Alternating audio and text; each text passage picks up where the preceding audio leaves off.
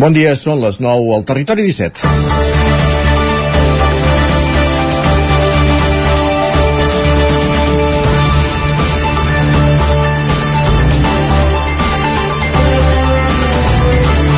Doncs sí, cal felicitar qui va prendre la decisió perquè, vist el resultat, fer coincidir la Fira Làctium a Vic amb Sant Jordi ha estat un encert.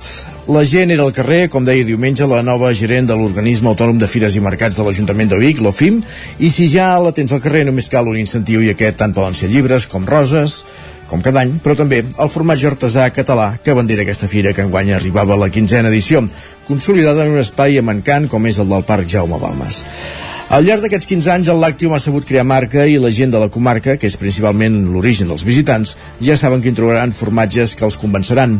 I això, malgrat tots els malgrats. En aquesta edició ha caigut de l'organització, possiblement per voler estirar massa la corda a l'hora de posar condicions a l'Ajuntament, l'Associació Catalana de Ramaders i Elaboradors de Formatge Artesà, ACREFA, associada al Làctium des de la primera edició. Val a dir que és una entitat que passa per períodes convulsos interns de tant en tant. El cas és que la seva absència també ha provocat una reducció de formageries i que enguany no s'hagi fet el concurs del formatge artesà català. Des de l'Ajuntament de Vic i la direcció del Làctium ja es treballa per recuperar el concurs l'any vinent i el retorn de formatgeries que poc o molt el públic reclama.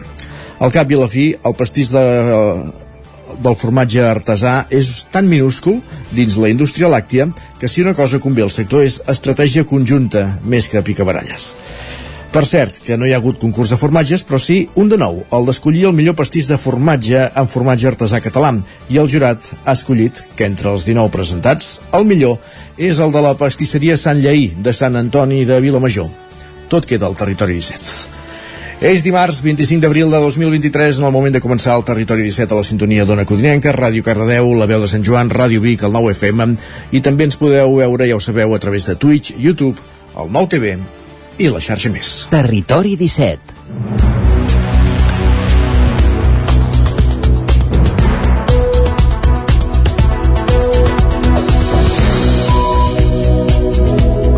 Dos minuts i mig pràcticament que passen de les 9 del matí en el, en el moment d'arrencar el territori 17, el magazín de les comarques del Vallès Oriental, Osona, el Ripollès i el Moianès, que us fa companyia cada matí entre les 9 i les 11 durant dues hores amb diversos continguts mm, dedicats a, aquests territoris, a aquestes zones, al territori 17. De quina manera avui? Doncs us avancem al menú. En aquesta primera mitja hora abordarem les notícies més destacades de les nostres comarques, l'actualitat del territori 17, tot seguit la previsió del temps, que ens la costarà el nostre home del temps, en Pep Acosta, i de seguida, desconeguda la previsió meteorològica, anirem fins al quiosc per saber quines són les portades dels diaris del dia amb en Sergi Vives. A partir de dos quarts de deu pugem al tren a l'R3 a la Trenc d'Alba amb l'Isaac Muntades recollint les cròniques dels oferts usuaris de la línia R3, la línia Barcelona-Granollers-Vic, Ripoll-Puigcerdà i a l'entrevista anirem fins a Sant Feliu de Codines, a una codinenca, allà en Roger Rams conversarà amb la Judit Vidal, una de les coordinadores del Festival de Circ El Ganxo de Sant Feliu, que se celebra aquest cap de setmana, un dels festivals que s'ha unit amb altres cites del calendari de les comarques de, de l'entorn del territori 17, a Collsospina i a Santa Maria de Dolor, on també fan festivals de, de circ. En parlarem de tot plegat, com dèiem, a partir de dos quarts de deu amb la Judit Vidal, una de les coordinadores del ganxo de Sant Feliu. A l'espai de Natura, avui, si tot ens ho permet, conversarem amb Marc Ordeix, el director, el coordinador del Centre d'Estudis dels Rius Mediterranis de la Universitat de Vic, per parlar de la restauració dels rius Meder i Gurri que s'està fent aquests dies a, a Vic. Arribarem al punt de les 10, si és el cas, amb música, notícies, previsió del temps i avui la sequera tan present als nostres dies també serà objecte d'anàlisi a l'espai d'economia que fem amb en Joan Carles Arredondo. No la sequera en si, sinó tota la infraestructura, el servei públic de l'aigua, de tot plegat en parlarem a partir d'un quart d'onze del matí. A dos quarts ens endinsarem al món de Twitter i acabarem el programa avui parlant d'autisme, el racó de pensar amb la Maria López des de Ràdio Televisió Cardedeu. Aquest és el menú del territori 17 d'avui, dimarts 25 d'abril de 2023 i ara, quan passen 4 minuts i mig del punt de les 9 del matí, ens posem en dansa amb les notícies més destacades de les nostres comarques, les notícies del Vallès Oriental, Osona, el Ripollès i el Moianès, les notícies del Territori 17, per explicar-vos aquesta hora que els treballadors de la recollida selectiva porta a porta a la Garriga convoquen una vaga indefinida. Pol Grau, Ràdio Televisió, Cardedeu. Els treballadors del servei de recollida de residus del Porta a Porta de la Garriga registren aquest dilluns la convocatòria d'una vaga indefinida a partir del divendres 5 de maig. Els 17 operaris de l'empresa Precero fan la recollida nocturna i matinal i les recollides comercials de mobles, de poda i de trastos abandonats a la via pública. També el servei de deixalleria mòbil. Els operaris denuncien que l'empresa no està disposada a negociar un nou conveni per renovar el que tenen i que està caducat des de l'any 2021. A més, apunten que el nou servei de recollida porta a porta ha comportat un empitjorament de les seves condicions de treball, per exemple, amb la pèrdua dels dies de festius. La plantilla confia que la convocatòria de la vaga faci que l'empresa segui negociar i esperin poder arribar a un acord abans de divendres de la setmana que ve. Amb la convocatòria, també estan a l'espera que el Departament d'Empresa i Treball de la Generalitat fixi els serveis mínims per al servei. Gra gràcies, Pol. Obrim la pàgina de les eleccions municipals. De fet, aquesta mitjanit ja s'ha tancat el termini per presentar candidatures i ara ens anem fins a Sant Feliu de Codines. Primàries Codines ha traslladat a la parada de Sant Jordi, on hi feia un taller de roses, l'acte de tancament de les taules rodones que s'havia de fer dissabte i en no obtenir el permís de l'Ajuntament l'ha traslladat a diumenge amb les activitats, com dèiem, de Sant Jordi. Roger Rams, Ona Codinenca. Primàries Codines ha culminat el cicle de 15 taules rodones temàtiques per construir el programa electoral amb una proposta diferent de taula rodona que s'ha fet en el marc de les activitats de Sant Jordi i que la formació ha titulat Els valors de primàries. Inicialment estava programada per dissabte, però, com dèiem, no ha obtingut el permís de l'Ajuntament per fer-ho i la formació va optar per fer-ho juntament amb les activitats de Sant Jordi. Pol Cabotí, cap de llista de Primàries Codines, explica que l'objectiu de l'activitat era aixecar els valors de primàries de baix baix a dalt. Aquí és on vam incloure l'activitat aquesta dels pilars, que dèiem aixecarem els valors de primàries de baix a dalt, i això ho vam fer literalment. Eh, a mesura que els, que els participants, ai, que les persones de Sant Feliu s'apropaven eh, i feien propostes sobre com aconseguir aprofundir en, el, en aquests quatre eixos, que són la República Catalana, el feminisme, la participació i la sostenibilitat, vam anar fent créixer aquests pilars amb, amb caixes eh, fins, a, fins a completar doncs, les, quatre, les quatre paraules, que són els quatre valors que tindrà la nostra candidatura a mida que va anar avançant la diada de Sant Jordi, com escoltàvem, es van aixecar quatre pilars on s'hi podien llegir els quatre conceptes principals de la candidatura. Ara la formació tancarà el programa electoral que ordena, concreta i planifica les propostes que han sorgit de la participació en aquestes taules rodones. Fruit de l'experiència d'ara fa quatre anys, la candidatura també ha posat sobre la taula per debatre algunes propostes concretes per donar-los forma van sortint una vintena de projectes que ara els propers dies, un cop tinguem el, el programa electoral validat i la gent ens hagi validat eh, que tirem endavant aquests projectes, concretarem el com, el quan, com podem finançar el projecte, quin calendari li donem per poder-nos eh, per poder-nos endinsar en una campanya electoral parlant de propostes realistes i, i, de, i saber el que volem fer, però no només el que volem fer, sinó com es pot fer, quan costa i quan ho farem. Ara la formació, com dèiem, se centra en tancar aquest programa electoral ordenat i concret i on es planifiquin totes les propostes que han sorgit d'aquestes taules. Aquesta mateixa setmana es presentaran en assemblea perquè tots els electors que van escollir l'ordre de la llista aprovin ara també el programa electoral. Vic finalment tindrà nou llistes a les eleccions municipals del 28 de maig. L'última, la que s'incorpora a les 8 que ja es coneixien, és la de Vox amb l'exregidor de la Plataforma per Catalunya, Joan Carles Fuentes, com a candidat, Sergi Vives. Segons Fuentes, l'any 2019, Vox ja es va posar en contacte amb ell per fer una llista, una opció que en aquell moment va desestimar. Aquesta vegada, però, ha estat ell qui s'ha posat a disposició del partit. La decisió de tornar a l'esfera política la va prendre fa només unes setmanes quan va veure que a la, bandera, a la banda dreta del mapa preelectoral de Vic hi havia les candidatures de Josep Anglada, cap de llista de Somi, i de Pau Ferran, líder del Partit Popular a Vic. Va ser en aquell moment quan Fuentes va començar a picar la porta d'afiliats i simpatitzants de la formació de Santiago Abascal. Joan Carles Fuentes va ser regidor de Plataforma per Catalunya entre els anys 2007 i 2015 durant els dos mandats que la formació xenòfoba va aconseguir més representació a l'Ajuntament de Vic. Del 2011 al 2015 Plataforma per Catalunya va viure una profunda crisi que va acabar amb, amb la figura de Josep Anglada fora de la presidència del partit que ell mateix va fundar. Més tard Anglada va acusar Fuentes d'estar entre els dirigents de Plataforma per Catalunya que haurien orquestrat un pla per matar-lo en un suposat accident a la carretera de Tavernoles. L'Audiència de Barcelona, però, els va absoldre. L'any 2015 Anglada va concórrer a les eleccions municipals com a cap de llista per Plataforma Bigatana. Fuentes ho va fer com a líder de Plataforma per Catalunya. Dels dos, només Anglada va obtenir representació. I avui ens fixem també en la situació política, la situació electoral de les Masies de Voltregà, on es diu, on hi s'hi presenten quatre candidatures. Seran les de Verònica Ruiz, per Sumem, llista associada al PSC, Dolors Riera, d'Esquerra, Pere Capdevila, de Junts, i Gil Codina, fins ara portaveu municipal de Junts, que ho fa amb una candidatura independent qui es disputarà l'alcaldia el proper 28 de maig. Verónica Ruiz, que al juny del 2021 va rellevar Sergi Vilamala, convertint-se així en la primera alcaldessa de les Masies de Voltregà, ho farà com a cap de llista de Sumem Candidatura de Progrés, una llista que penja del Partit Socialista. Ara fa quatre anys la formació va obtenir majoria absoluta. No obstant això, va obrir-se a formar govern amb els tres regidors de Junts per Catalunya. Ruiz espera revalidar el càrrec per treballar en un sentit ampli de la seguretat posar càmeres de seguretat a les entrades del municipi per controlar els accessos del municipi i veure qui entra i qui surt. També és una de les prioritats. I la seguretat no és només aquestes coses. La seguretat és neteja la seguretat és il·luminació i d'una cara coneguda a una que s'estrena en política. Dolors Riera encapçalarà la llista de Som Voltregà, una candidatura associada a Esquerra Republicana. La implantació del porta a porta i la unificació de les masies a Sant Hipòlit són els dos grans reptes del partit. I bueno, el nostre eix principal seria aquest, seria unificar, no sé si unificar és la paraula, però els dos municipis. Clar, tu vas a Sant Hipòlit, mous per Sant Hipòlit, tant et mous a Sant Hipòlit com a Masies. I jo crec que els ajuntaments també hauria de ser treballar en un àmbit conjuntament. Qui també debutarà en política és Pere Capdevila, cap de llista de Junts per Catalunya.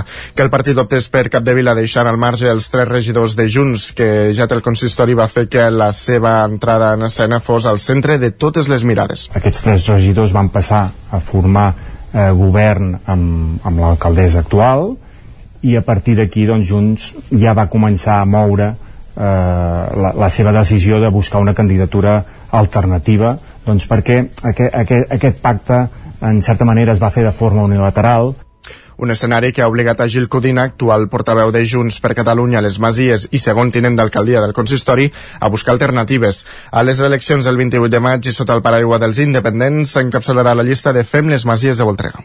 El que em sap greu és que diguin eh, que la militància es va allunyar. Vull dir, el 2019 i quan es va fer el pacte de govern, Junts ni existia com a partit, per tant, això sí que m'ha sabut greu que es comenci ja des del minut 1 l'atac Fem les Masies de Voltregà també apostarà pel porta a porta. També es comprometen a treballar perquè Sant Hipòlit i les Masies comparteixin el màxim de serveis. L'enllaç nupcial de la Festa de la Llana i el casament a pagès de Ripoll serà real i amb Pierina Roig i Jordi Serrano de protagonistes.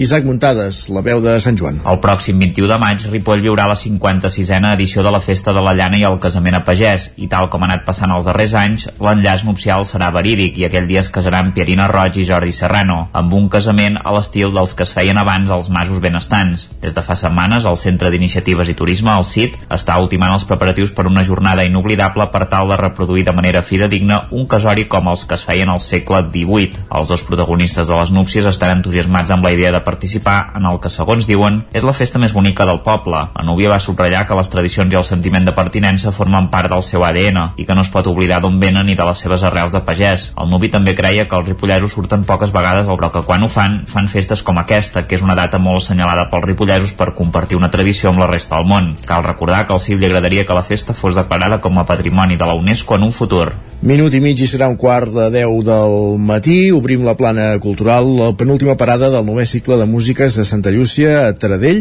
ha estat dedicada a Franz Schubert, Sergi. En aquesta ocasió es va poder escoltar el seu singular Octet, una peça poc habitual als programes de concerts, escrita l'any 1884, la més llarga de música de cambra composta fins aleshores de poc més d'una hora de durada. Una obra exigent i exposada per als músics amb sis moviments que alternen el divertimento i cert dramatisme. El concert en aquesta ocasió a Can Costa i Font, per raons òbvies de capacitat, el van protagonitzar vuit intèrprets vinculats a l'Orquestra Simfònica de Barcelona i Nacional de Catalunya. El dia abans havien presentat la mateixa peça a l'Auditori de Barcelona. L'última parada d'enguany, el 14 de maig, de nou a la Capella de Santa Llúcia, serà un concert clàssic del festival El Bac A3.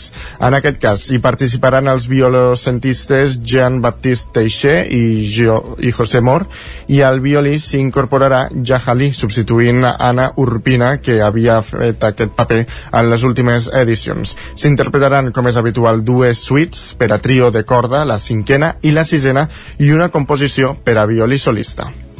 Esports. I a la pàgina esportiva, durant tota aquesta setmana s'està celebrant la 21a edició del torneig internacional de tennis sub-16 Nacho Juncosa a Vic. Com ja és habitual, en les darreres edicions la competició està enfocada per a joves promeses repartides pel món del tennis i forma part del calendari oficial del Tennis Europe Junior Tour, amb una gran presència d'esportistes de més de 34 nacionalitats. Jaume Cors és el director del torneig dintre del, del tennis Europe doncs, bueno, se'l se consideren mo, molt important. I llavors el, la, la canalla, el, el sub-16 doncs, bueno, tenen, per ells és molt important. És com anar quasi a Roland Garros dintre del sub-16 a Espanya. En total s'ha registrat una xifra de 368 inscripcions, dels quals només 148 tindran accés als quadres del torneig, tant en la fase prèvia com en la fase final. El president de la Federació Catalana de Tenis, Jordi Tamayo, assegura que el Club Tenis Vic que, que, que, el, tuni, el, que el Club Tenis Vic pugui acollir aquest torneig europeu per tercera vegada consecutiva posiciona el tenis català i espanyol a nivell internacional. El 50% dels tornejos a nivell internacional es fan a Catalunya i clubs com el Tenis Vic que pugui fer aquest tipus de tornejos a nivell europeu eh, per nosaltres és tot un orgull. Posiciona el tenis català, el tenis espanyol i el tenis europeu aquí a Catalunya. Tot plegat es fa en un club que enguany celebra el seu 75è aniversari Acabem aquí aquest repàs informatiu que començàvem al punt de les 9 en companyia de Sergi Vives, Isaac Montades, Roger Rams i Pol Grau. És moment al territori 17 de conèixer la previsió del temps, de saludar el nostre home del temps, en Pep Acosta, que és qui ens l'acosta cada dia. Per tant, sense més preàmbuls, tornem a una cotinenca.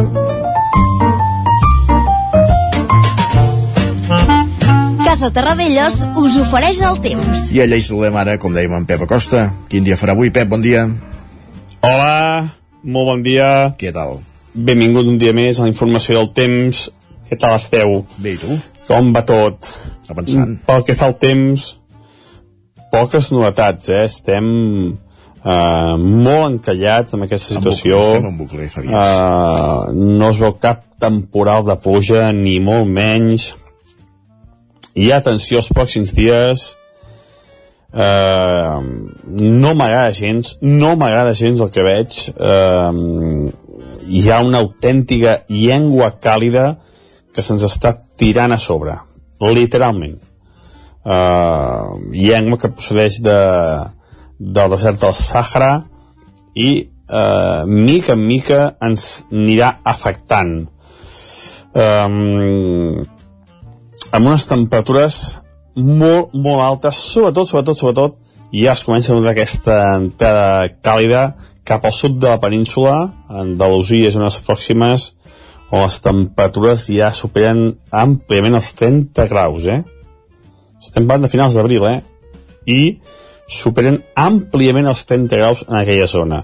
I mica en mica aquesta llengua càlida anirà afectant a tota la península ibèrica. Però anem a pams, anem a pams. Aquest matí eh, les temperatures són suaus, no han baixat gaire, mm, es va...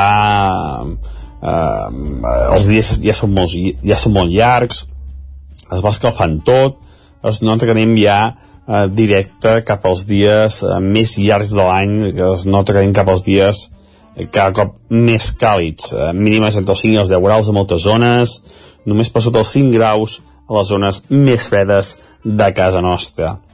Hi ha bastants núvols, mala visibilitat, però bueno, precipitacions cap, només alguna cap al Pirineu de Lleida, lluny de les nostres comarques. De cara a la tarda, avui creixeran més nuvolades, creixeran amb una, amb una mica més de força, eh, degut també a aquesta calor, que la calor també avui anirà en augment. Moltes màximes avui ja per sobre els 25 graus, moltes entre 25 i 28 graus. Atenció, hi ha 25 i 28 graus ja al dia d'avui. I això afavorirà a la tarda el creixement de nuvolades. Hi pot haver una tempesta, sobretot Osona i Ripollès. Uh, bastant puntuals i no, no molt intenses i no molt extenses. eh, no crec que es, que es passi dels 5-10 litres a tot estirar. Les temperatures, com deia, més, més altes, no, no baixaran. Vents variables, tot i que el vent del sud cada vegada es anirà imposant més i acompanyar aquesta onada d'aire càlida, aquest vent de sud. I això és tot. Uh, un dia uh, més càlid, un dia amb alguna tempesta a la tarda i, un, i una setmana, això, eh, que cada vegada anem posant més aquesta onada de calor procedent del sud i que ens afectarà mica en mica i que és molt, molt perillosa tal com estan els boscos tal com està tot, eh, molta precaució amb aquesta onada, amb aquesta onada de, de calor. Moltes gràcies, fins demà, adeu. Gràcies, Pep. De fet, ahir ho explicàvem, que dissabte obria eh, de nou Sant Miquel del Faí i que diumenge ja tornava a tancar portes per l'activació de, del Pla Alfa eh, de risc d'incendi. Per tant, sí, consciència que hi ha zones del nostre territori que estan molt eixutes, tot i que en altres, com bé explicava en Pep, de la de mitja comarca d'Osona, Namunt i Ripollès, doncs els darrers dies va plovent mica en mica amb una certa alegria i això, doncs mira, un escletx d'optimisme de tant en tant. Fe, acabat el repàs meteorològic, anem cap al quiosc. Casa Tarradellas us ha ofert aquest espai. Territori 17. Envia'ns les teves notes de veu per WhatsApp al 646 079 023. 646 079 023. WhatsApp Territori 17.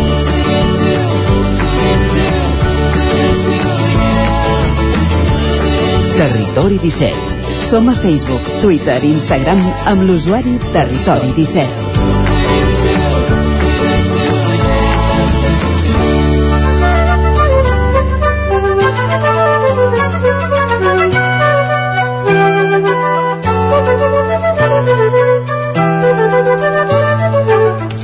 Doncs, com dèiem, moment d'anar cap al quiosc, qui ho ha fet és en Sergi Vives, que ja arriben tots els diaris sota el braç per explicar-nos què hi diuen cadascuna de les seves portades. Sergi, per on comencem avui? Així és, doncs, mira, comencem pel punt avui, que encapça la portada amb el titular Planta Llarena. Expliquen que Clara Ponsatí apareix a Brussel·les a l'hora que estava citada al Suprem. Recorda que té immunitat i reclama que se suspengui la instrucció. Si tantes ganes té en Llarena de parlar amb la Clara Ponsatí, que se'n vagi Que vagi a Brussel·les, a pescar-la, no? home. Ja, ja sabem on és, ja està. Què més? Per altra banda, avui a totes les portades catalanes hi apareix una fotografia de Susan Sarandon, actriu Sí. de Telman Lewis, i és que ahir va assistir al Barcelona Film Fest. Diu que quan va rodar aquesta sèrie mai va pensar que fos feminista. Doncs mira, Susan Sarandon aquests dies per Barcelona. Molt bé. El periòdico diu que el pols competencial sembla, eh, sembra dubtes sobre la llei de la vivenda. Expliquen que el sector immobiliari recela de la viabilitat de la norma si cada comunitat autònoma la pot aplicar a la seva manera. Alguns experts vaticinen que el nou marc legal serà només una mesura temporal. Per altra banda, diuen que comença a Espanya un pla pilot per la detecció precoç de càncer de pulmó. Expliquen que 38 hospitals de la xarxa pública faran cribratges a fumadors i exfumadors a partir del juny. La Vanguardia diu que la justícia està a un pas del col·lapse per la vaga de jutges i fiscals al maig. Expliquen que els magistrats anuncien una aturada indefinida que s'afegeix al que realitzen els funcionaris judicials eh, seguint la protesta dels lletrats. Jo, de fet, pensava que vivien el col·lapse constant, la justícia, perquè, de fet, sempre Clar, van acumulant molts sempre- casos, sí, mai, sí, mai sí. ho atrapen, doncs mira, eh, ara ja és... Bueno, ara ja és... Ara tenen una excusa per Ara és fer-se. més accentuat, si més no. Què més? Um, per altra banda, la Unió Europea avisa a la Junta d'Andalusia que el seu pla de... és desastrós per a Doñana. Expliquen que el govern andalús no convenç a la Comissió Europea que insta a complir la seva... La, la, la, la seva eh, Diu en castellà, ja m'explica, llegeix el titular en castellà. no, saps què passa? Que ho he apuntat malament en Ah, català. entesos. Carai, sí, sí, ja. bueno, que compleixin el que diu la Unió Europea sobre l'espai natural. Lara diu que Colau sosté que hi ha un 19% menys eh, de cotxes creuant l'Eixample. Expliquen que l'alcaldessa presenta un informe sobre mobilitat en el primer debat electoral eh, de candidats. Sa- Saps quins són aquests, Ada? Són els que hem desistit de venir a Barcelona per a fer res. Estem molt bé aquí. Um, afegeixen que la resta d'alcaldables critiquen els efectes de les superelles i proposen alternatives pel trànsit. Um, per altra banda, diuen que el Barça ja deu tres vegades més diners del que genera en un any.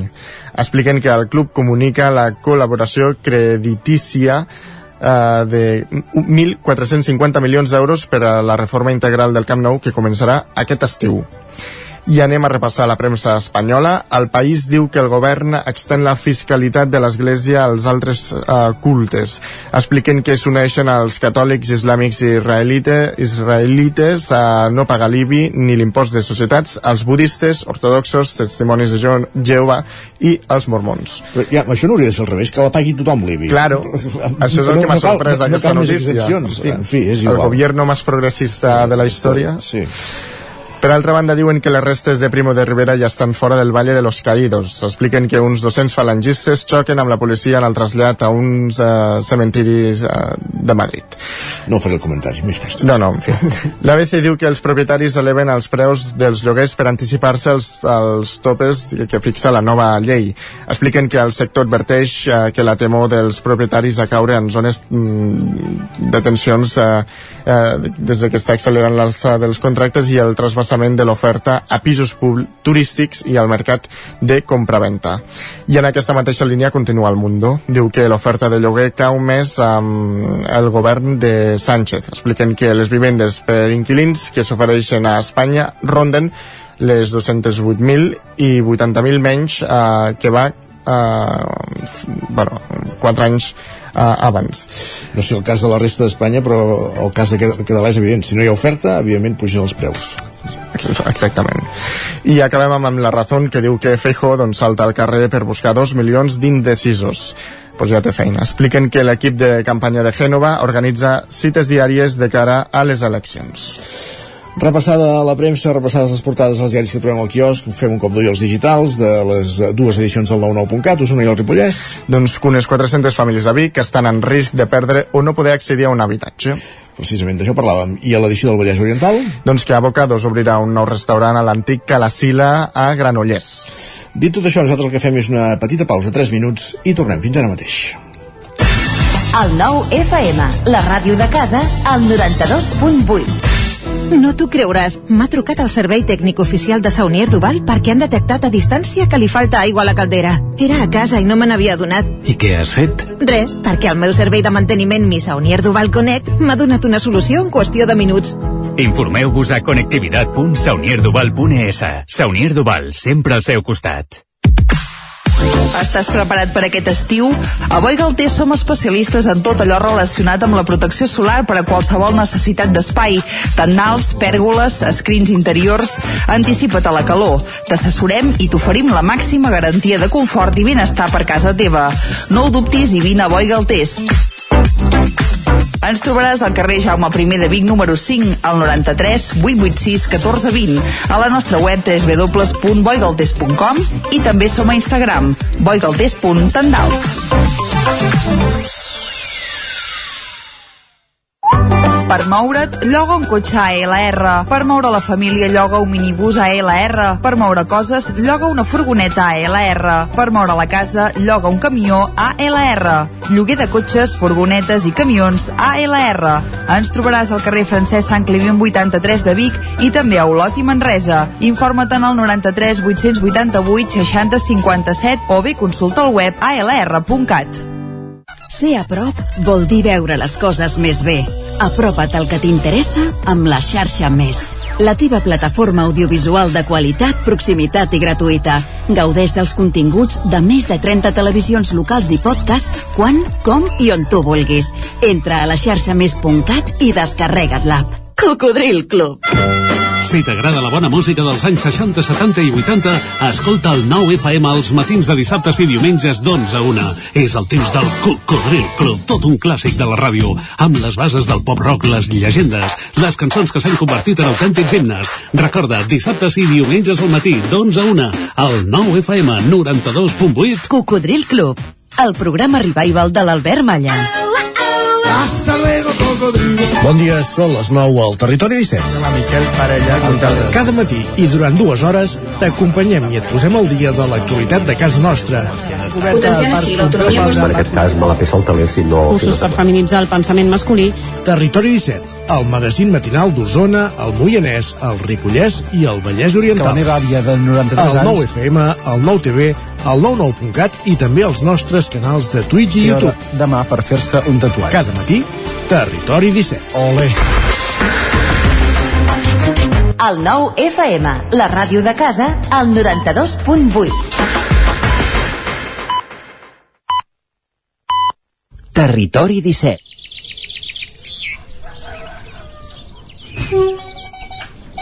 A Tren d'Alba.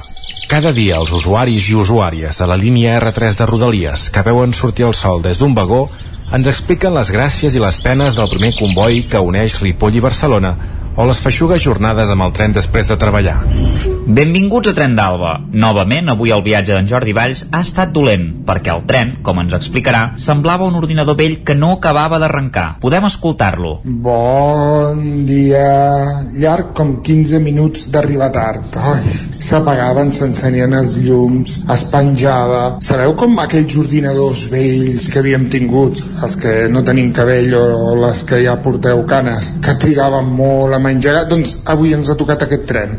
L'havien de resetejar de tant en tant i no arribàvem mai, de veritat. Quina tortura, i això sense obres. Què patirem? Penseu que ja hi ha conya explicant que la línia d'AVE gestionada per Adif eh, entre Madrid i Barcelona és la nova Rodalies. Ahir, per exemple, van suspendre la sortida de trens perquè havia muchos trenes en la línia, collons. Però sí, sí, perdó, eh? Però si ho teniu programat vosaltres. Sí, com podem estar en mans d'aquesta gent aficionada? Després els trens no tiren, és Renfe, però tot és ministerio, eh? Que no us vinguin amb la milonga de que una cosa és Adif i l'altra Renfe, que tot és ministerio, que l'amo és el mateix. L'amo inepte és el mateix. Com podeu veure, estem molt contents. Hem rigut molt, perquè al final, eh, al final rius perquè o això et desesperes. Però la veritat és que només pensar que aviat comencen les obres entre Parets i la Garriga fa molta, molta por. Per cert, si consulteu horaris de començament de juny, veureu que no hi han horaris de tren. Quina por. Això què vol dir de la R3? Que ja comencem? Que no? Que què? Res. Vinga, bon dia. Ànim. Adéu. Doncs això, que no hi ha horaris del mes de juny és una declaració d'intencions i fa molta por, perquè vol dir que les obres entre Parets del Vallès i la Garriga estan al caure i la línia quedarà tallada a la circulació per fer-se aquests treballs. Ara, tractant-se de Renfe també podria ser un oblit a l'hora de posar els horaris i per tant que no tenen ningú que vagi actualitzant la pàgina web en funció de les obres que es fan. Va, ens retrobem demà amb més històries del tren i de l'R3. D'entrada, però, Isaac, que es facin obres és una cosa positiva perquè millorarà el servei. Esperem, esperem, esperem. Per cert, m'ha fet gràcia això de que avui el tren anava com un ordinador vell a ralentir, perquè no fa mas- massa setmanes algú em va explicar que dalt del tren, a l'estació de la Cirera, els hi van dir que, que s'havien d'aturar per resetejar la unitat. Tot lliga. Aquesta unitat que anava avui en Jordi encara l'havien de resetejar. Territori 17, el 9 FM, la veu de Sant Joan, Ona Codinenca, Ràdio Cardedeu, Territori 17. I ara, quan passen 3 minuts de dos quarts de 10, anem a l'entrevista.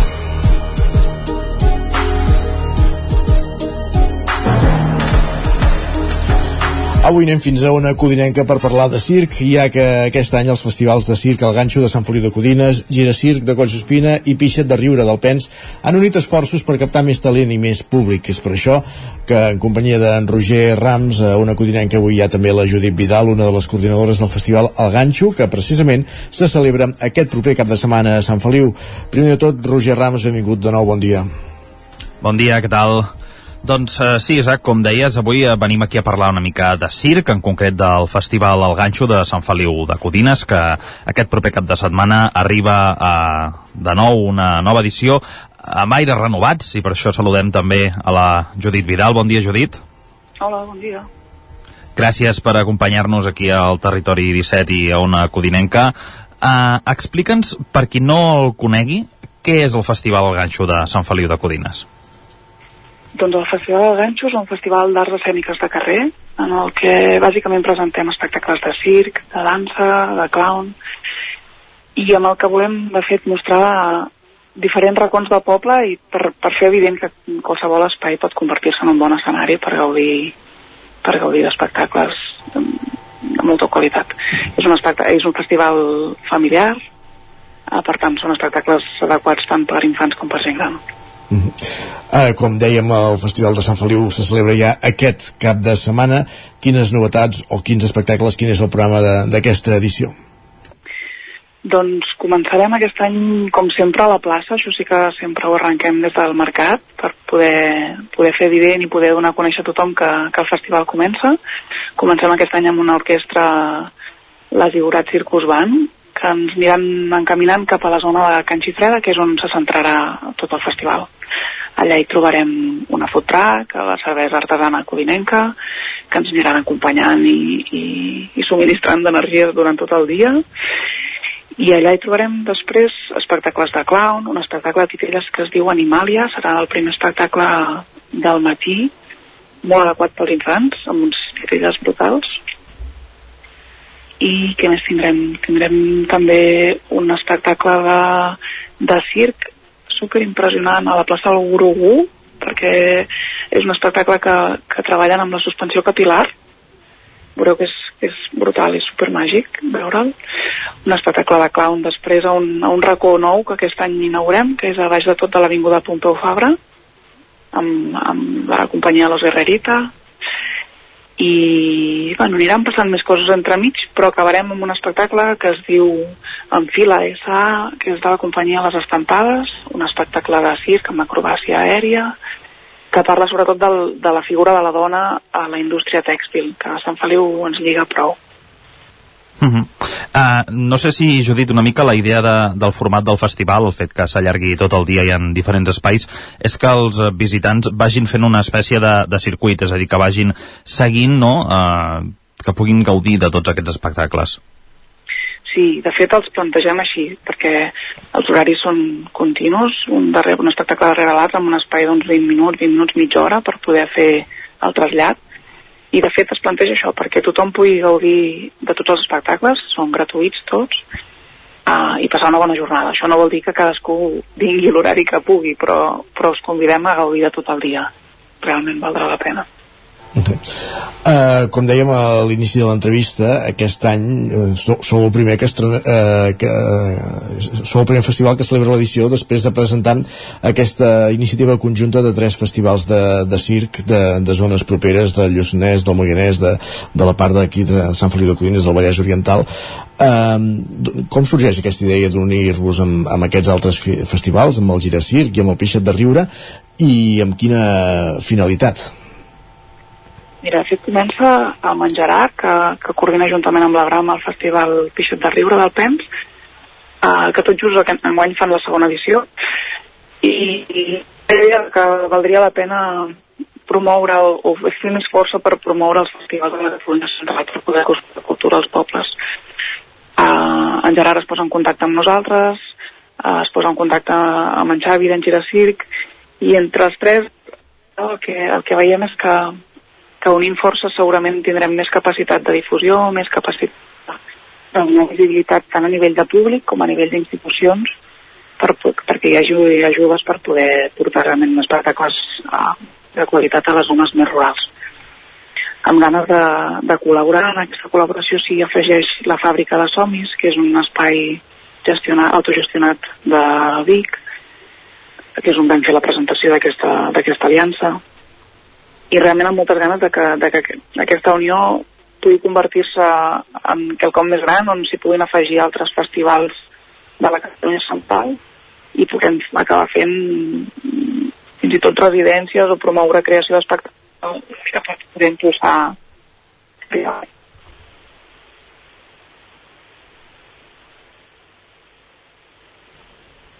Judit? Hem, hem perdut la connexió amb la Judit. Hola? Ara, ara sí, sí. Ara, Endavant, és que uh, se'ns entretallava un moment la, la conversa i, i teníem dubtes ara. Endavant, Roger. Sí, com, com dèiem ara, deies Judit que, que l'objectiu d'aquesta unió és potenciar el circ a nivell de, de la Catalunya central, però si això ho extrapolem arreu del país, creus que s'ha de potenciar més el circ, que queda, diguem, en un segon pla en la programació d'espectacles culturals a Catalunya? Sí, de fet, el, englobem circ, englobem clown, englobem espectacles de dansa, són disciplines que, que normalment queden bastant relegades a un espai i una visibilització menor. No? Llavors, eh, pensem que és un bon moment per apostar per aquestes disciplines. Són formats petits amb multitud de companyies emergents que fan feines molt boniques, així que ens sembla que val la pena que apretem per aquesta banda. Uh -huh. Perquè explica'ns una mica quina és, la, per entendre'ns, la, la situació del sector a nivell de, de propostes de companyies que hi ha a Catalunya que, que es mouen amb, amb, de les quals us nutriu vosaltres a l'hora de programar els festivals, diguéssim, però eh, realment hi ha una oferta, eh, hi ha certs aparadors, però segurament falta el pas més per arribar al gran públic, no? Sí, de fet, acompanyar, perdoneu, acostumen a ser companyies petites uh, que es donen a conèixer en, en circuits uh, bastant endogànics, diguéssim, és a dir, circuits petits on sí que dins del món del circ tothom es coneix, poca visibilitat i poca participació en espais uh, més públics o, o, o més grans, diguéssim. Llavors, pensem que, que a través dels festivals és una bona manera que aquestes companyies petites puguin reconèixer i que el públic pugui, pugui rebre aquests espectacles de qualitat uh, sense haver de baixar a Barcelona o haver de baixar a ciutats més grans que, que hi hagi més oferta. Roger? Sí. Eh, per tant, eh, Judit, eh, l'objectiu de, de, d'impulsar no? també el, el teatre a, a través de festivals és portar-lo al carrer, és portar-lo a llocs eh, poc habituals? Sí, de fet, qualsevol lloc és susceptible de ser un bon escenari, en el fons. I el carrer és un lloc transitat per tots, és un escenari comú per tothom, tant públic com, com artistes, per tant, el que volem mostrar és que no calen grans estructures, no calen grans institucions, sinó que al final el que cal és ganes de, de promoure la cultura, ganes de, de sorprendre'ns i de veure propostes propostes creatives que cada vegada són més emergents. Mm. Estem parlant amb la Judit Vidal, una de les coordinadores de, del Festival de Circ, que aquest cap de setmana se celebra a Sant Feliu de Codines.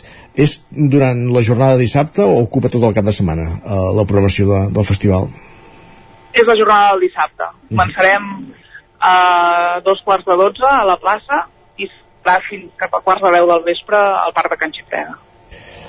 Doncs eh, que vagi molt bé aquesta nova edició del Ganxo, Judit, moltíssimes gràcies per acompanyar-nos i que vagi bé també aquesta estrena, aquesta aliança amb, aquestes altres, amb aquests dos altres festivals que vindran en les setmanes successives, el Peixet de Riure, el Pens i el Giracir de Coll Sospina i anirem veient com, com evoluciona tot plegat. Moltíssimes gràcies per atendre'ns. Moltíssimes gràcies a vosaltres. Bon dia. Bon dia. Adéu, adéu. Gràcies també a Roger per acompanyar-nos un matí més aquí al Territori 17. Gràcies, fins ara. Fins ara. Nosaltres avancem del circ, passem a parlar de Rius, perquè tot seguit ens acompanya en Marc Ordeig, aquí al Territori 17.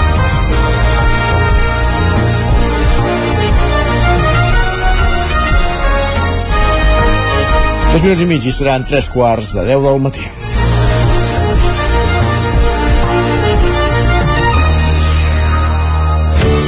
Territori 17. Envia'ns les teves notes de veu per WhatsApp al 646 079 023. 646 079 023. WhatsApp Territori 17.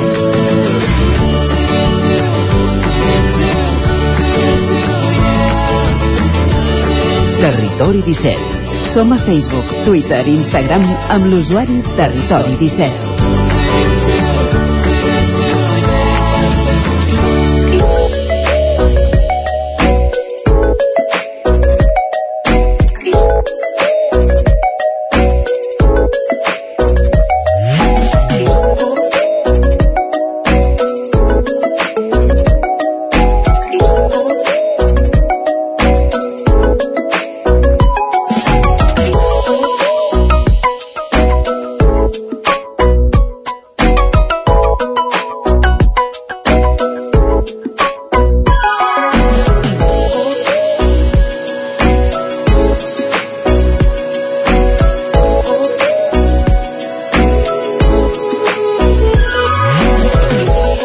L'espai de Natura i Medi Ambient que fem un cop al mes en companyia del Centre d'Estudis dels Rius Mediterranis de la Universitat de Vic, avui parlem amb el seu coordinador, amb en Marc Urdeix, per parlar de la restauració els rius Meder i Gurri a Vic, una restauració que si no tenim mal entès, Marc, bon dia, s'està fent aquests dies.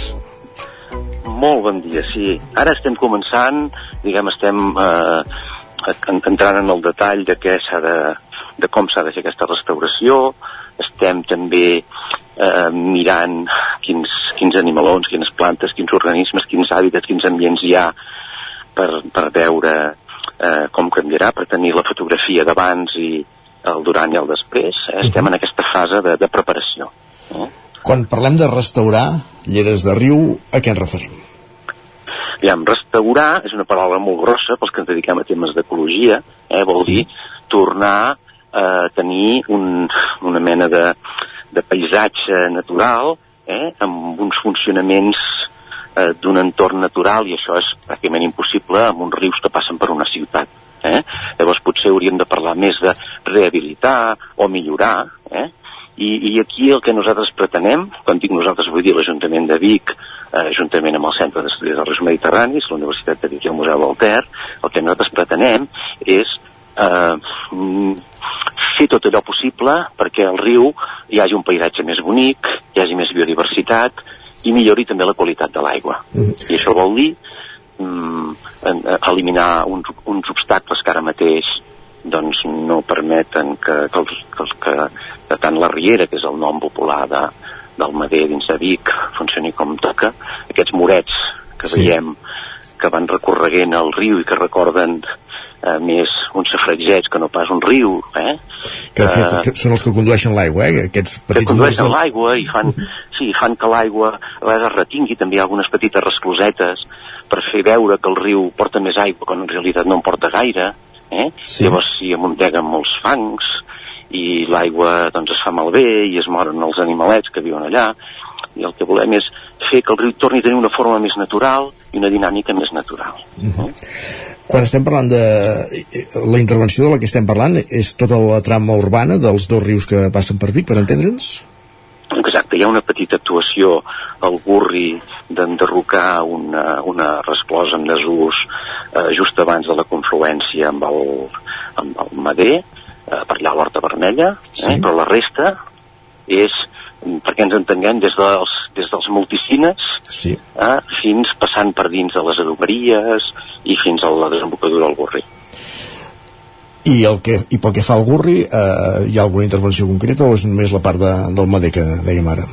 El, el, Gurri, això, l'enderrocament d'aquesta resclosa, una sí. antiga, una antiga resclosa amb desús que no té cap valor patrimonial, i pel que fa al, al Mader dins de Vic, eh, una, un, el punt més emblemàtic seria el pont romànic fer-hi una, una rampa per peixos, sí. eh, que ara mateix eh, els peixos que arriben allà no poden passar riu amunt perquè hi ha la resclosa de les adoberies, eh? Uh -huh. i és bastant complexa perquè hem d'intentar fer una rampa per peixos que lligui amb, amb el romànic, amb tot l'entorn de les adoberies, etc.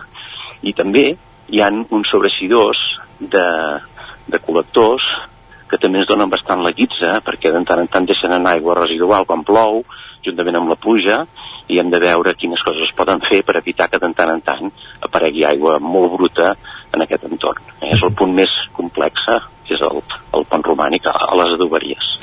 Comentaves al principi que ara esteu tot just començant a, a, a treballar amb, amb com serà la, la, la remodelació, la restauració. Entenem que el projecte està aprovat, amb, amb, quina fase, amb quin calendari es treballa per anar-lo aplicant, per entendre'ns?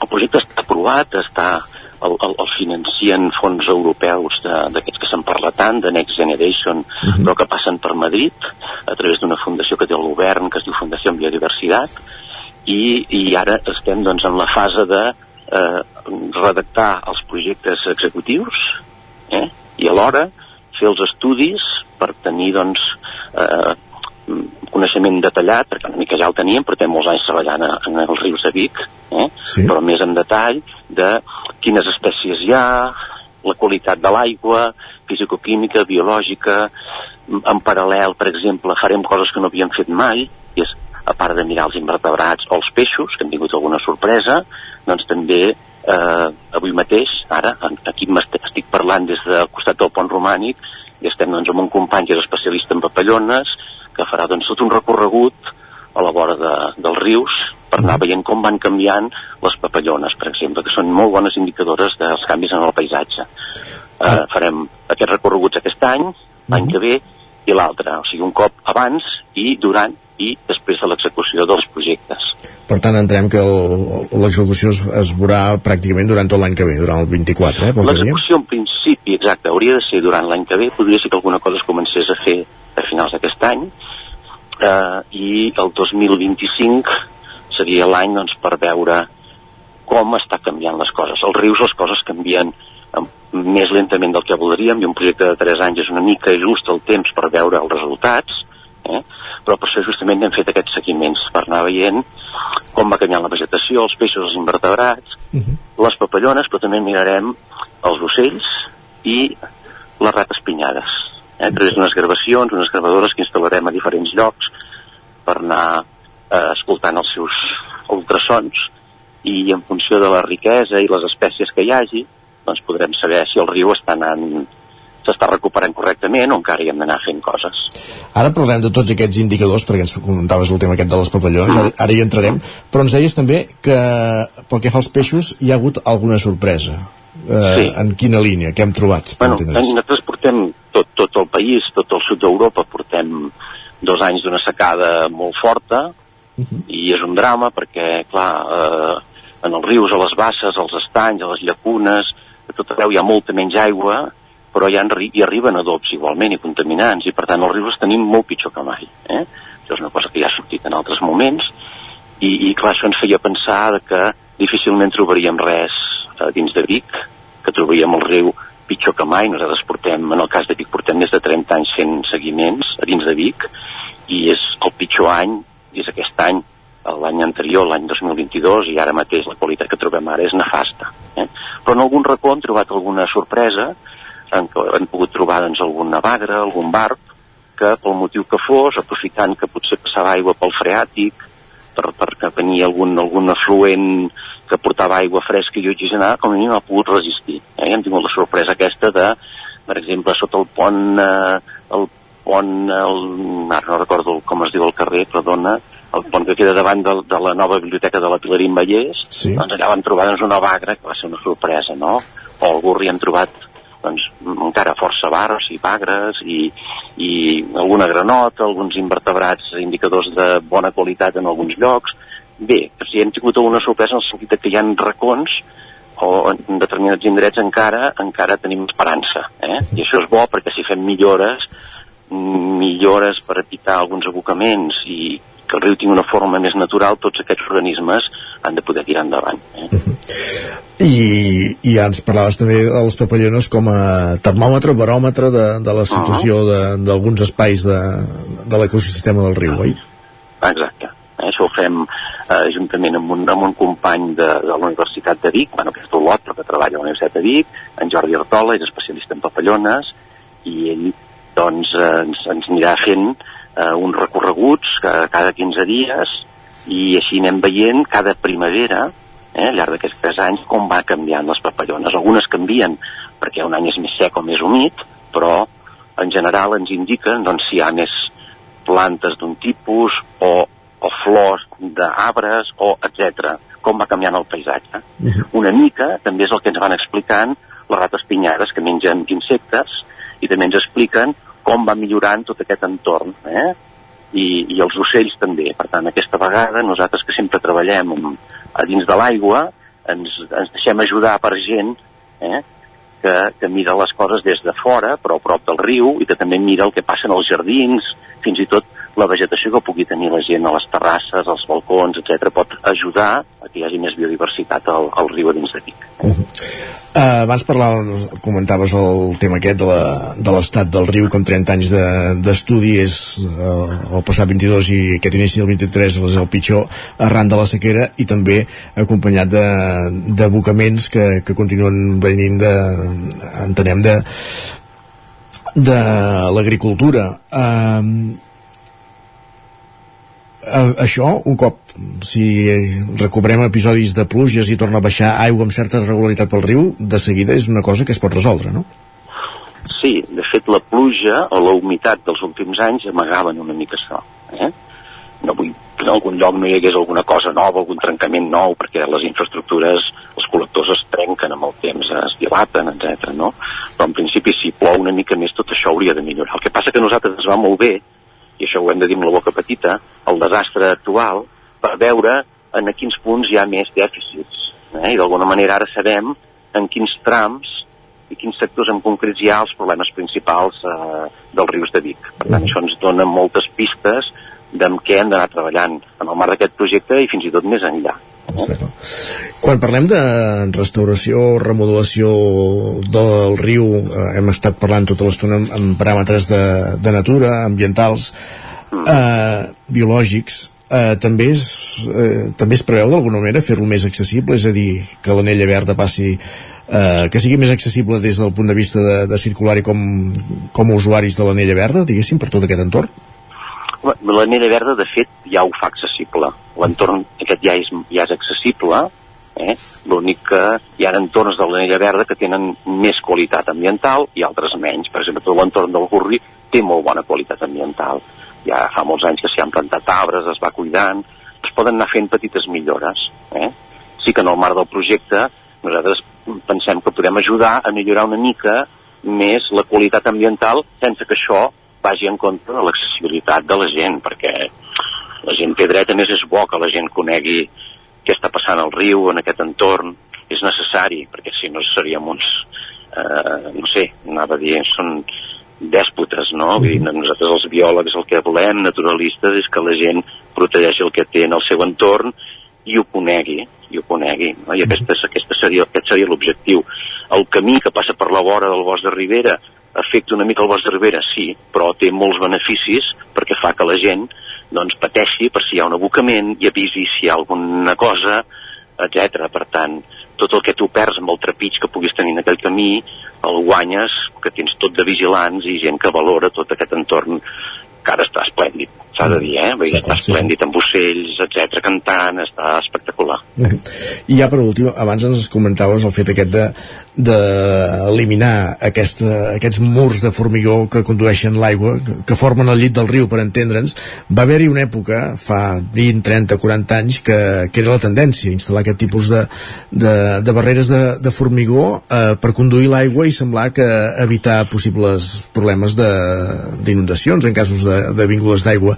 Eh, això ara, vist en perspectiva, s'ha descobert que és, és un error, però diguéssim que va ser una tendència en aquell moment de la construcció Sí, de, de fer sí, aquest tipus sí. d'instal·lacions. Jo, jo, jo recordo que en el seu moment, quan es construïen aquests murets laterals, vam tenir alguna conversa amb, amb el regidor de, de Medi Ambient de, de l'Ajuntament i deia sí, potser no estem anant en el, pel millor camí, no? perquè alguns llocs ja es començava a discutir que això fos el millor. No, no es va fer tant per tema d'inundació, sinó per un tema d'endreçar, fer més bonic eh, el riu. Fer més bonic és una cosa molt subjectiva i en tot cas el que sí que s'ha vist és que aquests murets laterals i les travesses que fan aquestes petites resclosetes fan que el riu funcioni més malament i això sí que ho hem pogut comprovar per tant ara estem fent el camí a l'inversa de dir, eh, això no ajudava que hi haguessin menys inundacions, al contrari feien aixecar la làmina d'aigua i facilitaven que hi hagués més inundabilitat a dins de Vic i no n'hi fa falta eh? tenim aquí l'aiguat registrat del 1800 eh, ara no sé si era 89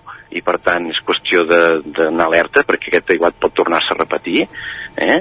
i al contrari aquest projecte també preveu eliminar eh, masses de terra i de pedres que hi ha sota el pont romànic i també més avall, amb un altre pont que també és un tap, el pont que queda davant de les germanetes dels pobres. Eh? Uh -huh. Per tant, aquest projecte el que intenta és reduir la inundabilitat, però alhora traient aquests murets laterals facilitarem, per exemple, jo que sé, que els aneguets quan hagin nascut puguin anar a la vora, perquè és que fins ara quasi bé no podien ni pujar, ni pujar eh? i alguns es morien, o tortugues, o el que sigui. Eh? Per tant, eh, era un obstacle i era un problema per al funcionament del riu, també perquè s'estableixi vegetació de ribera i els arbres ajudin a depurar aquests, aboques, aquests, aquests abocaments, aquesta contaminació difusa que ve dels camps de conreu, eh? i els, els arbres a través de les àrees van xupant aquests, aquests nitrats, els fosfats, etc. Eh? Uh -huh. Per tant, tot funcionarà millor i serà un riu una mica més bonic, tot i que la bellesa és molt subjectiva, però des d'un punt de vista de, dels ecòlegs, els biòlegs i els naturalistes serà el riu molt més bonic, sens dubte. Nosaltres no dubtem gens. I que funcionarà millor, que és el que es tracta. I funcionarà millor, eh? Diguem que serà una obra de teatre, el teatrí serà molt natural, però que els actors, que seran els animals i les plantes que viuen aquí, doncs funcionaran molt millor ecològicament. Doncs Marc Ordeix, director del Centre d'Estudis dels Rius Mediterranis de la Universitat de Vic, ubicat al Museu del Ter, avui, in situ, molt a prop d'aquí on som nosaltres, a, a la llera del riu Mader, al seu pas per Vic, que començarà tot aquest procés de remodelació. Moltíssimes gràcies per explicar-nos aquest projecte i per ser una, un mes més, una vegada més aquí al Territori 17. Molt bé, moltes gràcies a vosaltres. Bon dia. Una abraçada. Adéu. I amb aquesta explicació de com serà aquesta remodelació dels rius al seu, al seu pas per la trama urbana de Vic, el que fem és una aturada en el relat del Territori 17 per dedicar-nos a la informació, a les notícies del Territori 17, ara que són pràcticament les 10 del matí.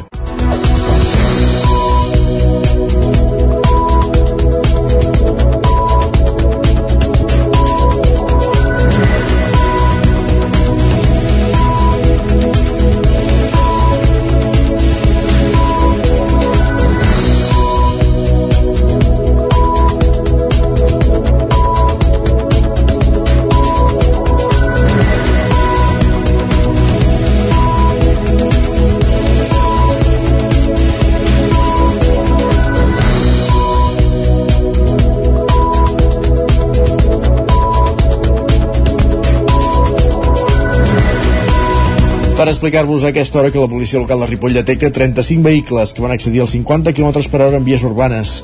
Isaac Muntades, la veu de Sant Joan. Periòdicament i al llarg de cada any, la policia local de Ripoll col·labora amb el Servei Català de Trànsit amb diverses campanyes de prevenció i control de la seguretat en la circulació. Una de les que s'han dut a terme aquest primer trimestre del 2023 ha estat la del control de velocitat urbana mitjançant un radar que s'ha col·locat en diferents punts de la vila. Des del maig de l'any 2021, arran d'una reforma de l'article 50 del Codi de Circulació, el límit de velocitat establert per les vies urbanes d'una calçada per sentit és de 30 km per hora. La policia local va utilitzar un radar per veure quants vehicles superaven la velocitat permesa i en total se'n van captar 35 que accedien als 51 km per hora. La majoria dels infractors, uns 28, han estat de fora de Ripoll i els controls s'han efectuat entre la ronda de Castelladral i el carrer Progrés, on addicionalment també hi ha col·locat el radar informatiu que avisa de la velocitat als conductors. La velocitat més alta que es va detectar va ser de 73 km per hora, més del doble del permès en aquest tipus de via urbana urbana, la qual cosa supera un greu risc per a la seguretat dels vianants i la resta d'usuaris de la via pública. Des de fa un any, la policia local també compta amb un radar informatiu que mostra la velocitat dels cotxes quan s'acosten. Es tracta d'una eina molt positiva i de conscienciació per als conductors de vehicles. És molt visible i s'ha demostrat que té una alta eficàcia sobre el comportament dels conductors, amb una reducció de velocitat del 25% sense necessitat d'efectuar denúncia. Aquest dispositiu se suma als elements passius per a la reducció de la velocitat, anomenats popularment esquenes d'asa, que s'han situat. Plegats han contribuït a disminuir disminuir sensiblement la velocitat mitjana per les principals vies urbanes de Ripoll, amb una reducció del risc d'accidents. El radar informatiu també permet recollir un registre de les velocitats i si se'n detecten de molt elevades, la policia procedeix a realitzar controls de radar específics per a reduir aquestes conductes de risc. Aquest dispositiu funciona amb energia solar i es pot anar canviant de via sempre que es vulgui. Més qüestions, obrim pàgina preelectoral de nou, Esquerra de Sant Feliu de Collina, de Codines fa una xerrada dedicada a la integració. La cap de llista, Mercè Serratacó, actual alcaldessa, conversa amb Àngeles Lieve, diputada al Parlament de Catalunya i regidora de Caldes de Montbui, sobre, eh, ja que és la primera regidora i diputada d'origen equatorià de Catalunya. Roger Rams, Ona Codinenca. La integració de les persones nouvingudes ha centrat en bona part la conversa que la cap de llista d'Esquerra a Sant Feliu, Mercè Serratacó, ha mantingut amb la diputada al Parlament, Àngeles Llibe. A partir de la seva pròpia experiència, també com a regidora Caldes, la diputada republicana ha exposat idees a partir de la seva pròpia experiència com la creació d'una taula intercultural. Escoltem Àngeles Llibe. Uh, hem parlat de la taula intercultural que tenim ahir a Caldes, no? que realment és una forma d'apropar uh, no només les necessitats, el que les deia, que no només és per a uh, podem les persones de diferents orígens aportar uh, només necessitats, sinó que també podem aportar uh, idees per a poder millorar el municipi. No? I també hem parlat de el que sempre defensem i el que sempre deim, no? eh, que estem treballant per a que tothom tinguem aquesta inclusió social de la que parlem, eh, que tothom puguem eh, tenir l'espai també on podem eh, pues, eh, fer eh, comunitat Llibe ha subratllat la importància d'apropar a la ciutadania també la nouvinguda a les institucions i al mateix temps la necessitat que la ciutadania s'apropi eh, doncs, a les institucions per sentir-se comuns més al municipi. L'objectiu d'aquesta conversa, segons Serra Tacó, és també nodrir el programa de la formació i adoptar idees que els republicans han implantat ja a altres municipis. Una de les coses que, que volem nosaltres és que tothom se senti integrat a Sant Feliu de Codines. Volem que tothom se senti un més. Llavors, a vegades, eh, per situacions de feina, de raça, de no comprendre l'idioma, de mil coses.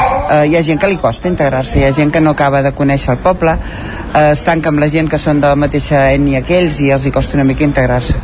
El que ens fa molta il·lusió a nosaltres és que aquesta gent ens coneguin, que vulguin ser un mes de Sant Feliu i una mica la xerrada d'aquesta va encaminada en aquest sentit. L'acte també ha posat de manifest la inquietud d'un col·lectiu de dones d'origen pakistanès que es plantegen estructurar-se com a associació. L'ús de la llengua catalana o els requisits que calen per treballar a l'administració pública han estat altres temes tractats en aquesta trobada. Gràcies, Roger. Més qüestions encara a plan electoral. Aquest titular és bo. El president de Ciutadans de Catalunya, Carlos Carrizosa, tancarà la llista electoral del partit a Manlleu, Sergi Vives. Així és, la candidatura amb Francisco Javier Jiménez de número 1 té el repte d'obtenir representació al consistori després de no treure prous vots al 2019. Segons el candidat que hi consti Carrizosa, no és anecdòtic, sinó diu, demostra la importància de Manlleu i Osona. Jiménez hi afegeix que exceptuant l'escriptora Maria Teresa Gallego, originària de Tudela, Navarra, però actualment resident a la comarca, la resta d'integrants de l'equip són tots veïns i veïnes de Manlleu. El partit es marca com a prioritat reactivar l'economia local, repensar el sistema de recollida d'escombraries i alleugerir la pressió fiscal sobre els ciutadans. En una nota difosa per Ciutadans, Carrizosa diu textualment que formar part de la llista de Manlleu és un símbol símbol de l'estima que tenen per l'esforç de companys que estan en zones de Catalunya on ser català, espanyol i europeu sembla que hagi de ser motiu per amagar-se. Més qüestions, Berna Blanc de Xiriviella, al País Valencià i Pere Gorgoll de Mer a la Selva han estat els guanyadors de la 25a edició dels Premis Literaris Vila de Torelló, originàriament el Gal Literari, que es van entregar al vespre de divendres al Teatre Sirviano. Bernat Blanc va obtenir el premi en poesia amb flors que creixen en el buit i Pere Gorgoll en narrativa amb el tercer calaix. També es van entregar dos accèssits, un per Ramon González de la Ràpita i un altre per a Joan Armengol de Solsona. En aquesta edició s'hi havien presentat 212 treballs entre les dues categories i per celebrar l'aniversari es va augmentar la dotació dels primers premis fins a 1.000 euros i els segons fins a 500, un canvi que està destinat a quedar-se segons l'organització. La L'acte va començar amb una actuació dels alumnes de l'Aula de Música de Sant Pere de Torelló i va incloure també actuacions de Jordi Torres i Jordi Vinyoles i la trapezista Carol, Carla Carol. L'actriu Irene Corrius va llegir els textos dels guanyadors en la categoria de poesia. En el mateix acte es van entregar també els 22 premis eh, Pescallunes, Pescalletres per alumnes dels centres educatius de Torelló, als quals s'havien presentat una setantena de treballs. Tots han quedat recollits en un llibre que es pot trobar a les llibreries de, Tro de Torelló amb una coberta dissenyada pels estudiants de l'Escola d'Arts Plàstiques. Més qüestions encara en plana cultural, la màgia torna a tona i és que els propers dies 5, 6 i 7 de maig se celebrarà la setena edició del festival Una tona de màgia, amb en Peyu com a padrí. Un esdeveniment cultural que posa el focus en la màgia i que comptarà amb una vintena d'artistes diferents, tant locals com internacionals. Jordi Pota és el director artístic del festival i explica la clara aposta per les magues. Apostem també molt per les magues, cosa que és una de les coses que s'ha d'intentar reivindicar i s'ha d'intentar seguir reivindicant perquè és una cosa molt complicada dins del món de la màgia i segueix sent-ho, n'hi ha molt poques i algunes d'elles són Lo Lamento o Maga Cristina que s'uniran als diferents mags que faran espectacles pels diferents punts de tona com Daniel Espín o Álvaro Oreja la gala internacional comptarà amb artistes com Mario López, Doble Bandoble o Gonzalo Albin, Albiñana. Una novetat d'enguany serà la Gala Golfa, un espectacle per majors de 18 anys que es farà divendres a la nit, conduït per Isaac Jurado. I el padrí d'aquesta setena edició serà Ampeyu, que serà l'encarregat de tancar la programació amb el seu espectacle L'il·lusionista, que ja compta amb les entrades exaurides. L'humorista ha volgut destacar que festivals d'aquesta categoria es facin en pobles petits. Que iniciatives com aquestes es consolidin a la comarca, que, que sempre està bé que, que s'aposti doncs, a, per aquest tipus de, de fenòmens culturals no? i que a més a més es faci en pobles petits que no tot passi jo ja estic tan malalt de descentralitzar les coses que quan es fan coses a Vic ja em molesta també més que a Barcelona ja he aconseguit treure coses de Barcelona ara ja vull treure coses de Vic i ja vull portar-ho tot a Muntanyola quasi bé el Festival de Màgia també continua apostant per la cultura local amb la cercavila gegantera de Tona o la batucada a càrrec dels Batuca Batraca. T'agrada el pastís de formatge, Sergi? Sí. Doncs ara et direm on has d'anar a buscar el millor pastís de formatge de Catalunya. Estem parlant de Sant Antoni de Vilamajor i la formatgeria Sant Lleí, guanyadors de la primera edició d'aquest concurs de pastís de formatge que es feia a l'Actium de Vic. Pol Grau, Ràdio Televisió Cardedeu. Aquesta creació de la pastisseria de Sant Lleí de Sant Antoni de Vilamajor és la guanyadora del primer premi al millor pastís de formatge artesà català que s'ha decidit en el marc de l'últim Lactium. El cheesecake combina en una sola peça el tou del mojal de vaca de Cal Músic Formatgeria, mascarpone i formatge de crema, també us ecològics del Montseny, nata de Can Bordó i de Cardedeu, sucre, maicena i esmicolat de base. Un premi al qual han optat en aquesta primera edició 19 participants entre pastisseries i restaurants de tota Catalunya. El requisit indispensable per participar era que cada pastís de formatge inclogués almenys un 20% d'un formatge artesà català, les caps d'obrador de la pastisseria de Sant Lleí van reconèixer en recollir el premi un nom dels seus propietaris, que per aconseguir el pastís de formatge premiat van fer nombroses proves amb diferents formatges artesans catalans, abans d'inclinar-se pel de cabra de cal músic formatgeria. Gràcies, Pol, per aquesta informació, perquè aquest pastís de formatge premiat a l'Actium de Vic, d'aquesta formatgeria, com dèiem, de Sant Antoni de Vilamajor. El que fem tot seguit al territori 17 és anar a conèixer la previsió del temps per les properes hores que ens acosta en Pep Acosta.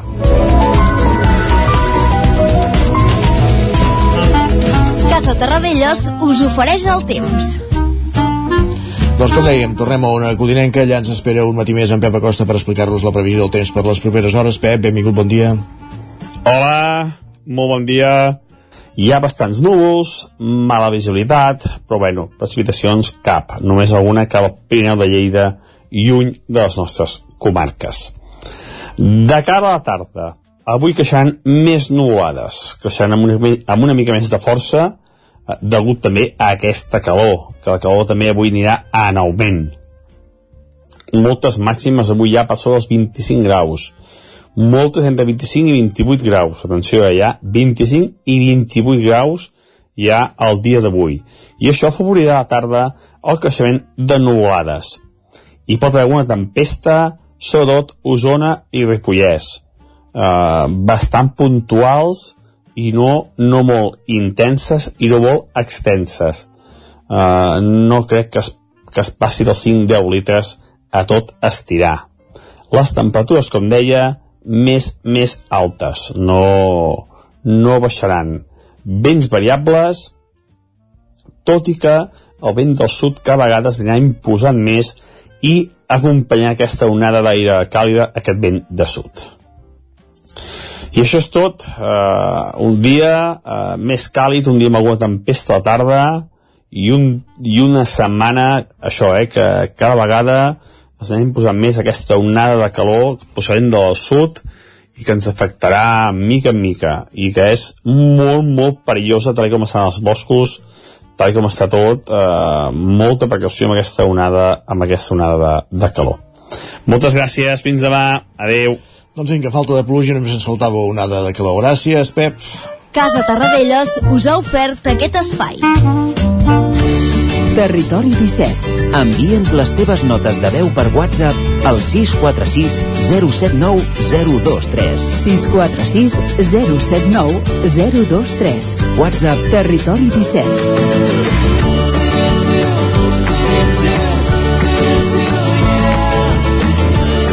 Territori 17. Som a Facebook, Twitter i Instagram amb l'usuari Territori 17.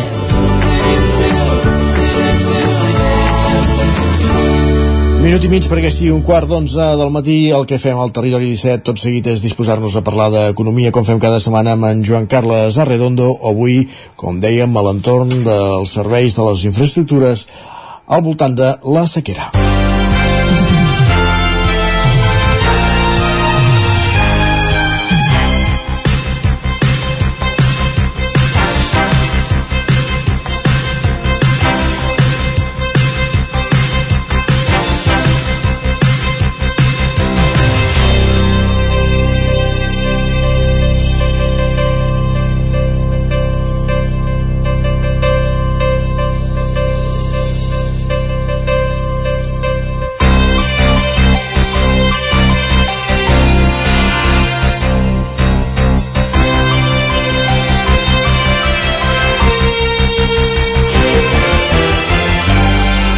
Doncs com dèiem, cada, com cada dimarts, espai d'economia al territori 17, en companyia d'en Joan Carles Arredondo, el cap d'economia del 9-9 del Vallès Oriental, i avui, Joan Carles, benvinguts, bon dia. Bon dia. Volem parlar, si no Bon tenim dia. mal... En... Sí, ens sents? Sí, ara sí, ara sí. Perfectament. No, anava a dir, avui volem parlar eh, d'infraestructures, d'un- d'una reflexió que vols fer a l'entorn de, de la sequera, la manca d'aigua, etc etc etc i les infraestructures que, que permeten que quan obrim l'aixeta tinguem aigua o no. Sí, perquè moltes vegades passa eh, que tenim, tenim un debat públic sobre infraestructures essencials i, i quan es parla sobretot des del punt de vista mm, econòmic de, de, de l'impacte de les infraestructures i dels retorns eh, que, que donen els retorns econòmics que donen aquestes infraestructures tot plegat sol centrar-se molt en aspectes de mobilitat eh? Sí. carreteres eh? eh, no cal anar gaire lluny, lluny al temps per trobar exemples eh? el debat de, sobre pressupostos de la Generalitat finalment va encallar-se diguem-ne al punt culminant de, de, de la negociació va ser tres qüestions i d'aquestes tres qüestions dues tenien directament a veure amb la mobilitat eh? una era l'ampliació de, la, de l'aeroport del Prat i l'altra la construcció d'un tram del quart cinturó eh? direm quart cinturó perquè aquí no, no cal entrar en denominacions que blanquegin eh? el, el nom d'aquesta carretera i tot, tot això eh, mm, va, va, ser diguem-ne doncs, aquest punt culminant i tornem, tornem a tenir aquí les infraestructures però centrades molt en qüestions de mobilitat. I és veritat eh, que eh, quan, com dèiem això, el retorn econòmic d'aquestes infraestructures i la incidència en el dia a dia que té la mobilitat el converteixen en un focus llaminer eh, per, a l'hora de cridar l'atenció i lluir programa polític. Però hi ha infraestructures menys visibles i tenen un impacte tan notable o fins i tot més en la vida dels ciutadans i en l'economia i que tenen mancances també tan o més remarcables que les carreteres o les connexions aer- aeroportuàries intercontinentals. I aquests dies amb, amb els auguris de restricció d'aigua sobre, a, a causa de la sequera és perfectament identificable que la xarxa d'abastament d'aigua és també una infraestructura essencial i diríem clarament més atesa. Després posarem exemples eh? Eh, doncs que, que, que demostren que, està, que és una infraestructura que està més desatesa que, que la mobilitat ens basem una mica en una reflexió que porta un article d'un portal econòmic que es diu de, de, New, Bar de, de, New, Barcelona, de New Barcelona Post eh, és un, portal que està orientat a, a presentar bones notícies econòmiques i culturals de la ciutat eh? Mm, doncs en, en, en, aquest, en aquest portal el coordinador del Pla Estratègic Metropolità de Barcelona que és el senyor, el senyor que es diu Oriol Estela eh, fa aquesta reflexió precisament basada en això, eh? sempre mirant-nos la mobilitat i hi ha moltíssimes altres infraestructures que mm, segurament no, no, no formen part del debat mm, públic i que mm, seria important que hi apareguessin Eh, també hi ha referències a altres àmbits eh? Tam, esmenta la, la generació energètica sobretot arran de les oportunitats que, que obren les fonts renovables, les eines per garantir la generalització de la digitalització o el proveïment d'una xarxa d'espais verds que contribueixin a pal·liar l'impacte de l'activitat humana, eh? Sobre- sobretot en àrees tan fortament urban- urbanitzades com és, diguem-ne, la regió metropolitana. En tot cas, l'actualitat hi obliga i mm, és bo centrar-se en la qüestió de l'aigua perquè eh, si la meteorologia no, no resulta prou favorable no, no, no sé què ens acaben d'augurar eh, de, de, de, de meteorologia però eh, si, si, si, Malament. això, eh, si, si, si Ens no augura és- molta calor, de fet. Malament. molta, molta calor eh? No, no, no, no, no, no anem pas bé eh? diguem-ne que això pot comportar que la sequera acabi afectant fins i tot les llars particulars no? No, no vull deixar passar per alt un punt d'actualitat eh? la comunicació la setmana passada al sector hoteler que no, hi, que no hauria de patir per les restriccions d'aigua a l'estiu sembla un contrasentit sobretot un contrasentit en el sentit que hi hauria d'haver una pedagogia que mm, davant d'aquesta eh, situació extrema com, com la sequera actual. Em, el sector turístic respira ara alleujat perquè la temporada no corre perill, però les dades hi són. Eh? Eh, apareixien la setmana passada. Els hotels gasten, en termes de persona i dia, entre dues i fins a cinc vegades, eh? depèn de la categoria. Com més categoria, més, gast, més aigua es gasta. Dues i cinc vegades més que un domicili particular.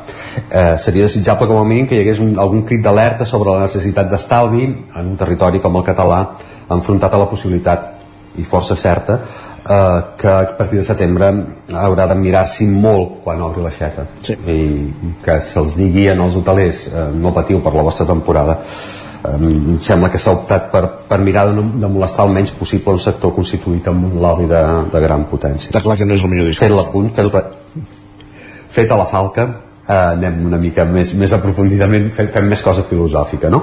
um, consideracions generals eh, sobre el perjudici que suposa no haver fixat el focus sobre una infraestructura tan essencial com la xarxa de distribució d'aigua aquest perjudici afecta principalment la població en general però també eh, és econòmic eh, si els camps no es poden regar com està passant eh, eh com estem veient eh, al canal d'Urgell o si les indústries no disposen de prou aigua per, que necessit, de, de prou aigua per als seus processos productius.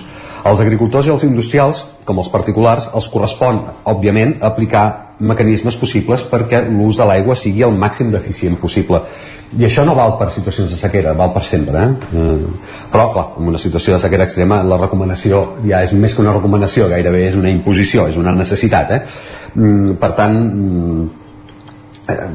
sent això important eh, emergeix en paral·lel algunes problemàtiques eh, que en etapes de normalitat queden més silenciades. Fa poques setmanes va transcendir que Catalunya perd de mitjana un 25% de l'aigua potable que circula per les canonades segons són dades de l'Agència Catalana de l'Aigua i les, les han difoses diferents mitjans de, de comunicació per fer-nos una idea, eh, són 134 milions de litres d'aigua a l'any, és una barbaritat, eh? Uh -huh. Un litre cada segon, eh, i en casos extrems com a Badalona, eh, un espai conegut per la, la Riera del Canyà, que s'ha fet eh, tristament cèlebre perquè allà s'hi perden dos litres d'aigua per segon el tema és que a Badalona això passa des de fa 17 anys eh? i o 17 anys que es va no s'ha de ser gaire perspicaç 17 anys que es va dir per primer cop és a saber quan passava ja abans i no s'ha actuat en, al llarg exacte, sí, sí fi. Ben, ben dit, eh? detectat fa 17 anys. Exacte. No s'ha de ser gaire perspicaç per endevinar que, que és temps més que suficient per haver-hi trobat alguna solució. Eh? Sí. A Badalona i a la resta de la xarxa d'abastament d'aigua es produeixen pèrdues difícilment assumibles i entre les causes que s'apunten per això, que, perquè això estigui passant, en destaca l'envelliment de les canalitzacions, especialment a les xarxes locals. Això és el que diu l'Agència Catalana de l'Aigua, no, no, no, no, no ens ho atribuirem nosaltres. Eh? El que sí diem nosaltres és que no és només un problema metropolità, tot i que eh, un altre cas cèlebre se situï a Santa Coloma, eh, l'alcaldessa també està reclamant que, que, que es, es prenguin actuacions, li reclama a l'Agència la, Catalana de l'Aigua perquè perd una quantitat d'aigua també remarcable de 86.000 litres d'aigua a l'any, un litre per segon. Es coneixen casos com Olot, que perd un 40%, o Girona, que en perd un 20%. déu nhi Per citar alguns exemples de alguns exemples que aquest no és només un problema metropolità. Uh, davant de situacions com aquesta pèrdua d'un recursant capdalt com l'aigua, apareixen també les veus que apunten a una necessària entesa entre administracions que clarament ha resultat insuficient. Aquesta és la proposta que fa també el coordinador del Pla Estratègic Metropolità de Barcelona en l'article que estàvem esmentant ja resulta curiós que Barcelona, des de Barcelona es demani col·laboració amb l'entorn quan les situacions els acaben afectant directament a la ciutat mm, el comportament de, de la ciutat amb el seu entorn de, de Barcelona no acostuma a estar marcat pel diàleg no. es va veient com llencen propostes que poden afectar a la seva eh, regió metropolitana eh? segurament el pensament és més d'àrea metropolitana que és un, un compendi més petit de ciutats més immediates però diguem-ne quan la cosa s'estira al segon el, el, el, tercer, la tercera corona no? segona, tercera corona aquest diàleg um, acostuma a ser poc um, s'acostuma a practicar poc no? sí. de tota manera benvinguda sigui la predisposició si sobre la taula, a més dels problemes que afecten directament Barcelona, es poden posar també, eh? la cosa pot ser bidireccional perquè això és diàleg, eh? Eh, es poden posar altres aspectes perquè en surti afavorit, afavorit també l'entorn. Eh, per tant mm, si l'aigua és un detonant perquè aquest diàleg es produeixi llàstima que sigui per, per una situació extrema com aquesta però com a mínim a veure si es poden obrir canals, eh, canals importants. És una reivindicació des de entorn metropolità estan, de, de Granollers estan com, com, com, com, com estem ara mateix no? correcte. En tot cas i aquí ve una mica la reflexió de fons que, que volíem aportar eh? Eh, les importants pèrdues d'aigua potable posen de manifest efectivament anys de manteniments ineficients si és cert, com apunten les dades de l'Agència la, de Catalana de l'Aigua, de, de l'ACA, que una part important d'aquestes pèrdues prové de les xarxes locals, convé concloure que el model de gestió de l'aigua imperant en les últimes dècades ha estat també ineficient, almenys pel que fa al manteniment de les infraestructures. Quin ha estat aquest model? Ha estat aquest, aquesta aquesta mena de mantra que, que, que, que alguns el, el, el, el, el porten molt més al seu discurs eh? que és aquesta col·laboració público-privada eh? sí. això està molt de moda invocar-ho les concessions eh, aquí, aquí està és a dir un bé públic com l'aigua es cedeix la gestió eh, a, a, a empreses privades que això no és ni bon ni dolent és... tot, tot és bo i és dolent en funció dels resultats que se n'obtinguin eh, el que es pot constatar de tota manera, almenys en, en, en, pel que fa a l'aigua, eh, és que aquesta col·laboració entre els, fa que entre els uns i els altres la feina quedi per fer. I ara, és veritat que ara el més pertinent és atendre l'urgència, però les millores s'hauran d'afrontar en un moment o altre. Eh? Caldrà canviar cultures en el sentit que les infraestructures que van més enllà de com facilitar desplaçaments i, i per tant pensar en models que si no han de suprimir aquesta col·laboració público-privada com a mínim sí que l'han de revisar eh, de, molt a fons no?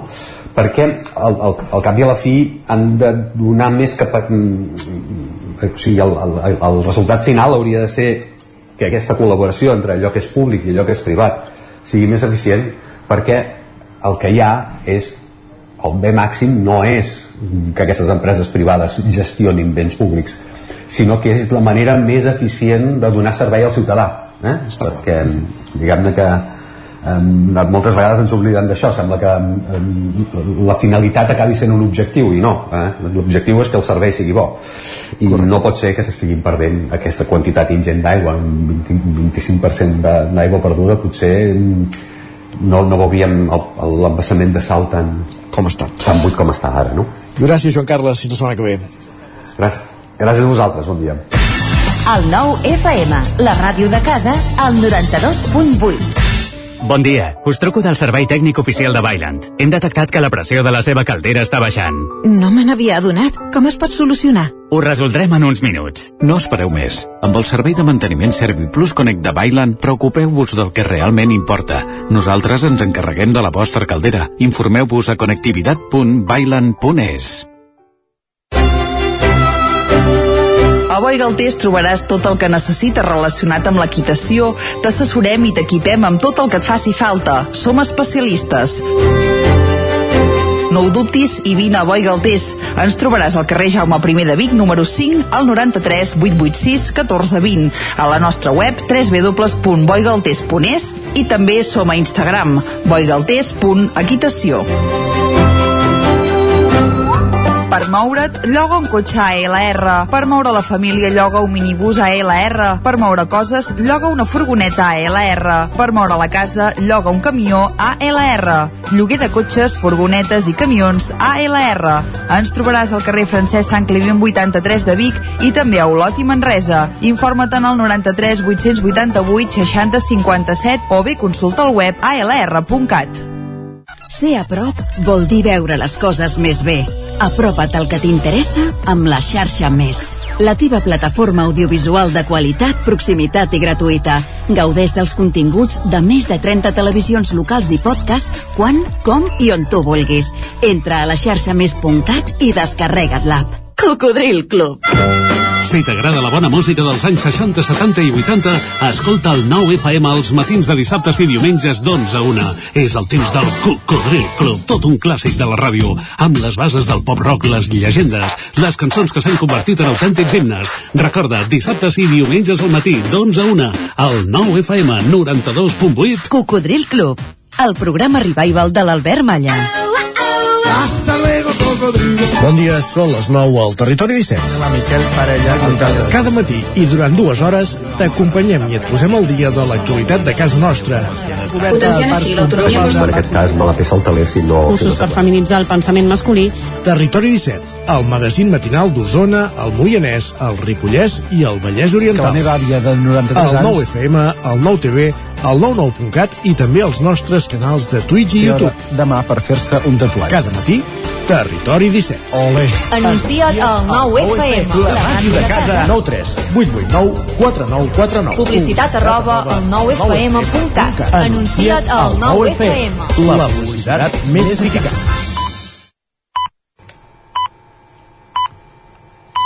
En punt dos quarts d'onze al territori 17.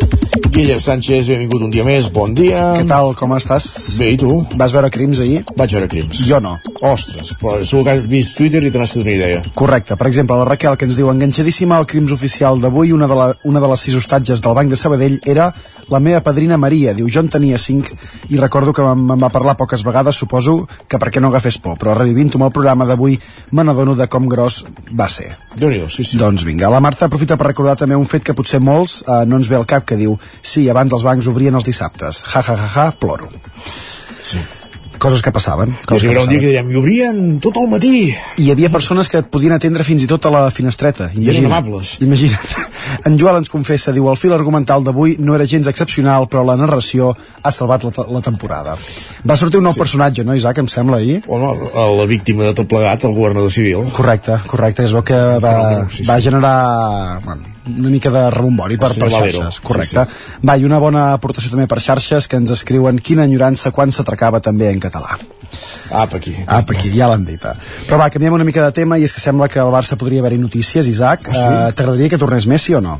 Uh, no. No? No, no, no veig la necessitat. No veig la- Esport, esportivament parlant. Val, val, ara ho has arreglat una mica. De fet, en... I a més, com que a més em diuen que si torna Messi es quedaran les toies, eh, per tant, que no torni i que s'emporti les toies aquestes que cobren tant que no es fan res, Jordi Alba, Sergio Busquets i companyia, i, i fem foc nou d'una punyetera vegada, com s'hauria d'haver fet després de la, fi- després de, de la ensopegada del 8 a 2 a, a Lisboa. No ho havia de dir-ho, però ja que m'ho has demanat, m'hi he fotut. Com, com es diu en Jaume, diu 2023 i encara estem amb sopars de Messi, Busquets i Alba.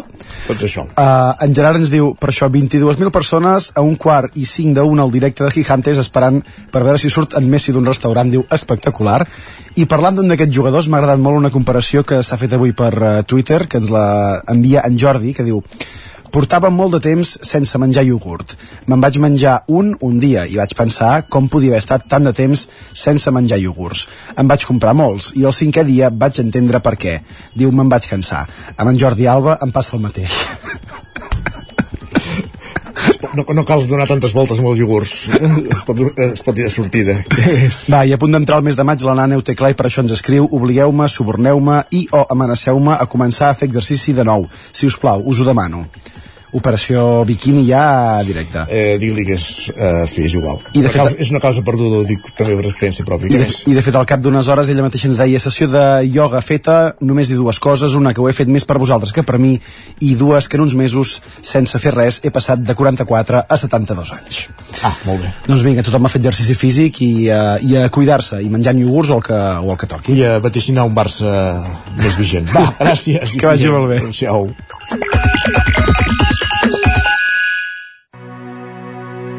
Territori 17.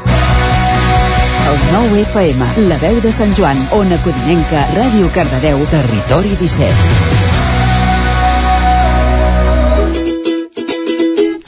El racó de pensar, a Territori 17. Doncs el racó de pensar que ens arriba amb la Maria López quan passen 3 minuts i mig de dos quarts d'onze del matí i avui parlant de l'autisme. Maria, benvinguda, bon dia. Bon dia i benvinguts un dimarts més aquí al racó de pensar. A principis d'aquest mes d'abril se celebrava el Dia Mundial de la Conscienciació sobre l'Autisme, o millor dit, dels trastorns de l'espectre autista. Aquest trastorn neurobiològic és molt més freqüent del que ens pensem, afecta a una de cada 100 persones. Podem estimar que a Catalunya, amb 7 milions i mig d'habitants, hi ha a prop de 75.000 persones afectades en major o menor grau. En el 70% d'aquests casos hi ha també una discapacitat intel·lectual associada de grau divers. I per una altra banda, afecta més als homes que a les dones, en una, en una proporció de 4 a 1. La cura i dedicació que requereix la persona afectada d'autisme és molt exigent per la família. Els cuidadors estan exposats a múltiples reptes que tenen un impacte fort en el nucli familiar, tant a nivell emocional, econòmic com social. I generalment és necessària l'ajuda d'un professional extern.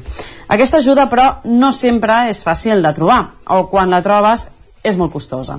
Per aquest motiu, moltes famílies intenten treballar en xarxa per tal de visibilitzar la seva situació i trobar suport mutu.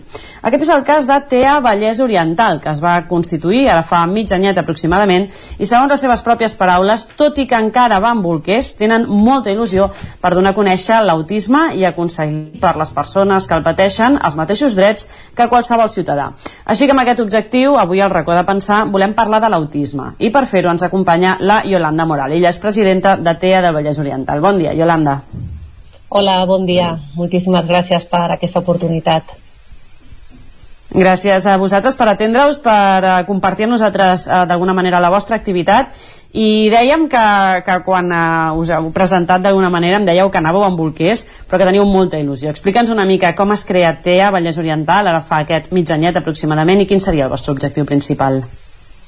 Bueno, nosaltres som un grup de primeres persones amb autisme i un grup de, de, de familiars vale, que són d'aquí de la comarca i que bueno, la nostra trajectòria vital ens ha portat a, a donar-nos no, que tenim moltes mancances i aquesta necessitat vital de, de trobar aquests recursos que, que no trobem, no? perquè al final l'autisme no és només per les persones que tenen el poder adquisitiu no? per pagar-se cert tipus de, de teràpies o d'acompanyament, doncs amb aquesta necessitat es va començar aquesta idea, no? que al final no, no estem inventant res nou, no? arreu de tot el territori de Catalunya hi ha diferents associacions eh, que vam començar sent molt petites però a dia d'avui són grans, eh, bueno, grans associacions eh, que fan un treball molt important per, per al col·lectiu i per les famílies i sobretot per les primeres persones.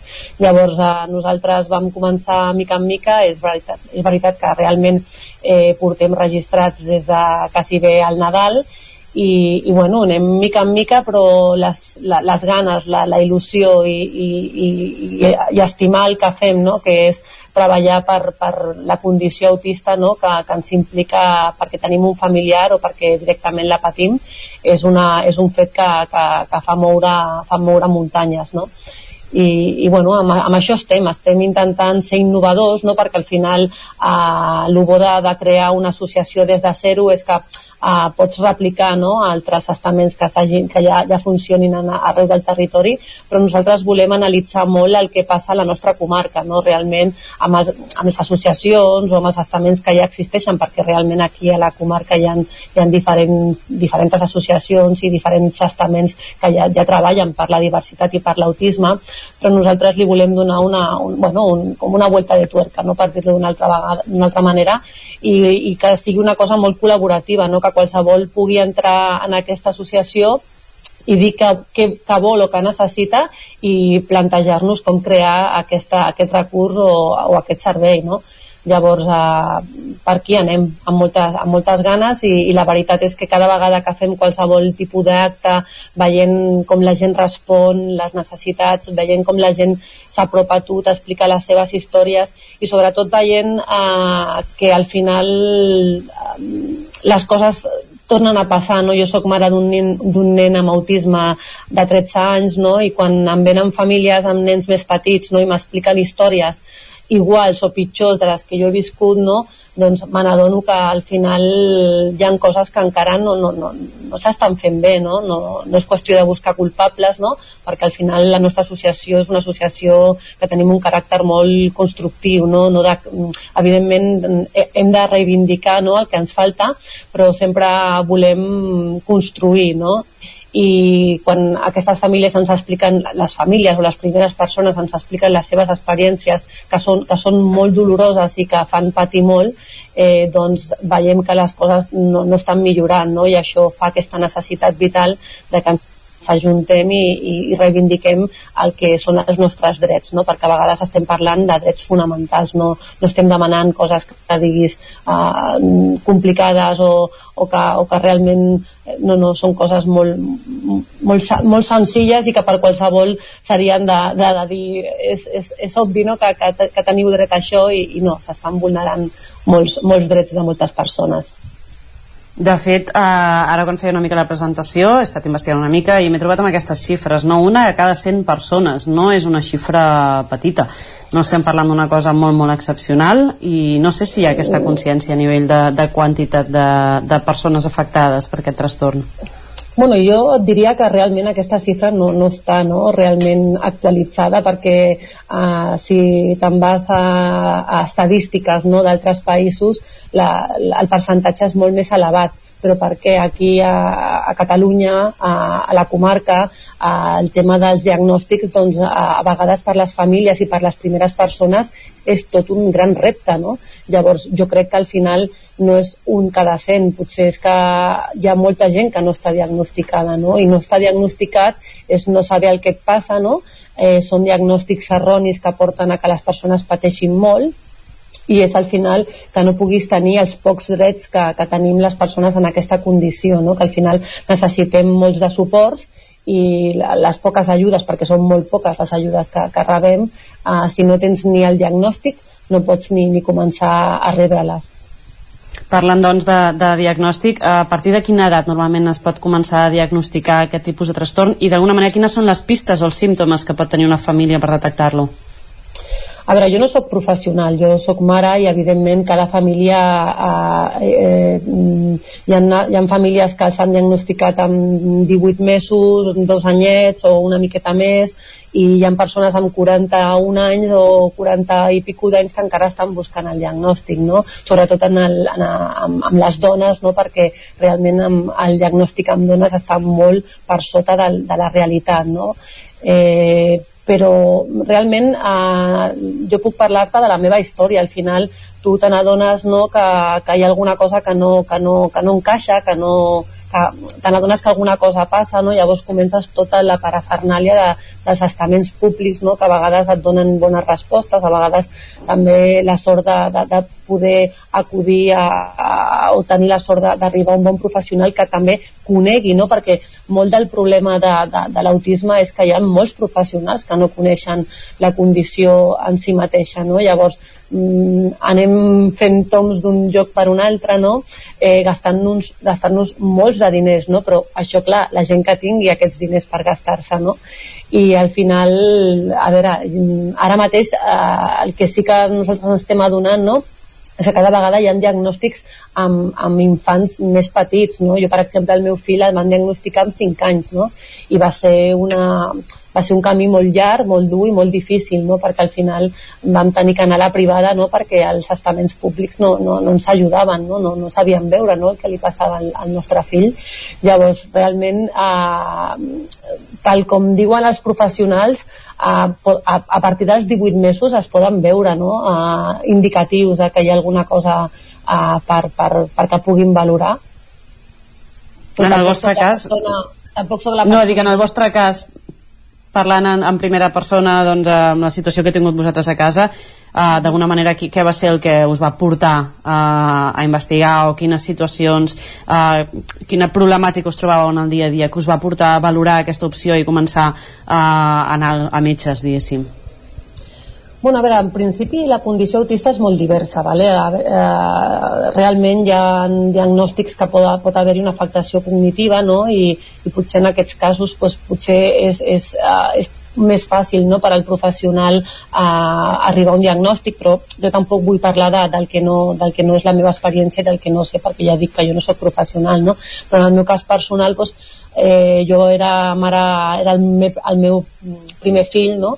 I, bueno, teníem problemes a la llar d'infants, teníem problemes a, quan va començar l'escola infantil, i, bueno, el nostre fill podia passar per un nen mal educat, que no, que no, no tenia límits, no? I, i i això et portava a dir bueno, et portava a qüestionar-te tu com a mare no? perquè a vegades havies d'escoltar coses mm, que et qüestionàvem no? que, que potser no estaves bé no estaves fent bé no? la teva tasca d'educar el teu fill on, on posar els límits on, on, on no sé, no? era una, una cosa que, que tu com a mare deies, ostres, jo, jo ho estic fent el millor que sé, no? i crec que, que no, no, no em diferencio no? A, a, en comparació amb altres mares i veiem que, que, que no que, que, no, que no connectàvem no, amb el nostre fill, llavors eh, nosaltres vam passar per al CEDIAP, del CEDIAP ja no vam tenir més, més seguiment i a partir d'aquí vam començar a fer una, una bogeria de, de llocs no, per trobar el diagnòstic finalment a la privada no? i realment el diagnòstic en el nostre cas eh, va ser un, una resposta i una ajuda, no? perquè al final les famílies el que volem, les famílies i les primeres persones, no volem saber què, què passa, no? perquè quan tu ja saps el que passa Uh, ja, el que, ja, tens, ja tens respostes no? al final és, és dir que, que al final per nosaltres no és un trastorn és una condició, no? és una forma diferent d'entendre, de comprendre el món i la vida no? i, i bueno, uh, quan tu al final ja coneixes aquesta condició i el que significa doncs a partir d'aquí és omplir la caixa d'eines no? I, i, i, i, i, i, poder, i poder fer que aquesta persona doncs, eh, perquè a més en, en, en, edats, en edats primerenques no? com en el cas del meu fill que tenia 5 anys no? la intervenció temprana no? perquè per exemple el meu fill no parlava no? doncs poder portar-lo amb un logopeda a veure exactament quin era el motiu no? que, que, que, que, que feia que, que, que potser estigués més ansiós no? o més neguitós eh, al final eh, és veure quins símptomes no li produïen a, a aquest comportament al meu fill no? I, i, i sapiguent aquests símptomes no? doncs poder que ell estigués més, més, més regulat no? perquè al final estem parlant sempre que, que, que hi ha molta sintomatologia perquè hi ha certes coses doncs, que ells toleren menys o toleren més, però per, nos, per mi l'autisme és una condició de vida, no és ni cap trastorn ni cap malaltia i, i les famílies i les primeres persones el que necessitem és recursos no? que realment no, no els tenim però sobretot també necessitem molt que se'n parli no? perquè al final eh, realment no se'n parla i això eh, fa que tota aquesta història normalment ho portem en silenci no, no, no, no és una cosa que, que, que anem explicant ni que i, i, i quan no vas explicant la, la teva història, que no és una història que al final l'hagis d'amagar, no? Però al final et vas aïllant no? una mica, et vas aïllant perquè al final eh, doncs, pots anar a llocs que no, pu no puguin no entendre no? el comportament del teu fill eh, tu pateixes perquè el veus que ell no està disfrutant pensa que al principi quan et donen el diagnòstic els pares i mares eh, no són professionals de l'autisme al final les famílies ens hem d'acabar d'empapar, no? perquè al final el que volem és comprendre com entén el nostre fill al món, no? però al principi això tampoc ens explica ningú, no hi ha cap professional que, que t'acompanyi i et digui mira, al teu fill li passa això, al teu fill doncs, a, en aquests casos mm, li passarà això, millor que facis això, no, no, a tot donen un diagnòstic, una palmadeta a l'esquena i, i a partir d'aquí comences un camí molt solitari, no? I al final per mi, mm, sent del Vallès Oriental, la meva, el, la, la meva, el meu vot salvavides va ser anar-me'n a altres associacions d'altres comarques, no?, perquè don, bueno, per sentir-me recolzada, no? Llavors, en un moment donat vaig pensar en altres famílies aquí al Vallès Oriental perquè, perquè no fem no? el mateix, perquè ens hem d'anar a, a Barcelona o al, o al Masnou o al Garraf o, no, al final necessitem no, que les famílies aquí, les famílies i les primeres persones eh, fem els recursos que nosaltres necessitem aquí a la comarca.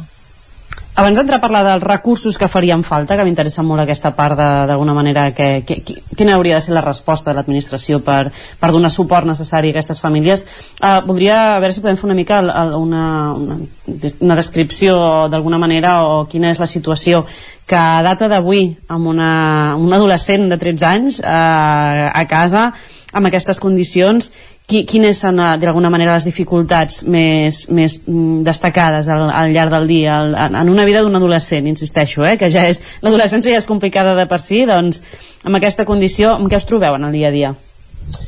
Pensa que no, mai es pot generalitzar, ¿vale? perquè una cosa que vull destacar és que com no hi ha dues persones neurotípiques iguals, que neurotípiques és una persona que no té en principi diagnosticada cap, cap cap diagnòstic, vale? a les persones amb autisme no, hi ha dues persones amb 13 anys autistes no s'han de semblar a per res, no? O sigui, però sí que és veritat que en el cas de que hi hagi una discapacitat i que hi hagi, un, que hi, ha, que hi hagi una discapacitat i que hi hagi una dependència, no? que realment ell per la, per la seva vida habitual, no? doncs, en comparació amb una, amb una persona de la mateixa edat, doncs no pugui realitzar les mateixes tasques no? de, la, de, la, de manera independent. No? Doncs doncs, al final eh, sempre ha d'haver-hi, en el cas d'un matrimoni, no, que és el meu cas, no, que, que, que, que, que també això és una cosa que s'hauria de parlar, no, perquè eh, que hi hagi, jo en el, meu, en el meu cas som pare i mare, no, que estem junts en, un, en una casa, no, eh, doncs primer la conciliació, no? perquè al final eh, el meu fill al final ha d'anar a molts metges, ha d'anar a fer moltes teràpies, ha d'anar a fer reforç, o sigui, al final eh, s'ha de fer un acompanyament molt proper, no?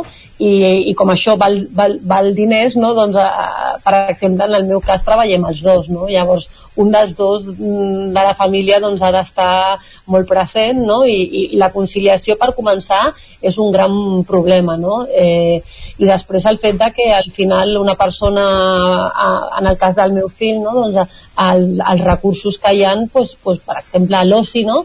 doncs no hi ha activitats, no, no hi ha gaires activitats d'oci no? per poder, per poder, perquè ell pugui fer mm, activitats on, on ell es senti segur i tranquil no?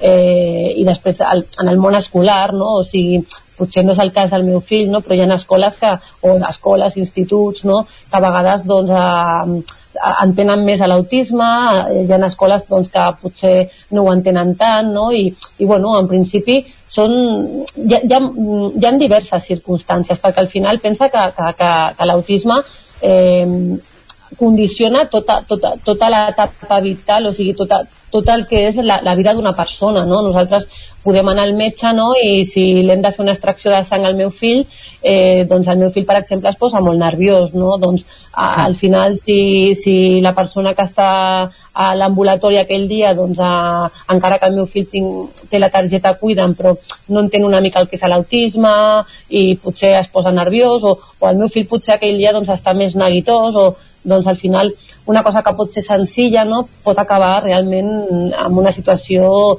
complicada tant per ell i, i sobretot per ell, no? perquè al final si ell pateix, nosaltres patim, patim perquè ell pateix, no? llavors al final es tracta de que realment com, com se'n parla, però jo crec que se'n parla, però se'n parla poc, però mm, se'n parla poc i es coneix menys, no? o sigui eh, i aquest és una, una de la, dels nostres objectius principals, no? O sigui, una de les, el motiu principal de la xerrada de Cardedeu va ser que vingués una professional eh, que va parlar de, de, de moltes coses molt interessants, va donar una, una visió des d'un professional especialitzat en autisme, no? però una de les coses que nosaltres com, com a associació ens va empoderar més i, i ens trobem més orgullosos no? és que, que, que vingués una primera persona a explicar la seva experiència, no? perquè al final no es tracta no, de que parlem els professionals, no es tracta de que parlem els, les famílies, no? A, a, es tracta de que les primeres persones comencin a parlar, no? perquè dintre de l'autisme eh, hem parlat molt les famílies no? I, i jo crec que al final hem de deixar que, que les persones amb aquesta condició se'ls doni veu i se'ls doni a l'espai que necessiten per, per dir el que volen, com ho volen i, i, que, i que al final eh, se'ls està demanant constantment esforços no? perquè s'adaptin a un món que ells ho entenen d'una manera diferent i, i no és que la seva manera d'entendre sigui pitjor, no, és diferent i no és ni millor ni pitjor la nostra, no? I això, quan, la, quan te n'adones d'això com a família, no? És, quan, és com si et traiessin de la cara un... com, com no sé, no? Mm. Sí, una cosa que dius, ostres, és que al final el meu fill no moltes vegades em diu mama, és que jo m'he d'esforçar no, per, perquè els altres m'entenguin, però quan els altres s'esforçaran per entendre'm a mi, no?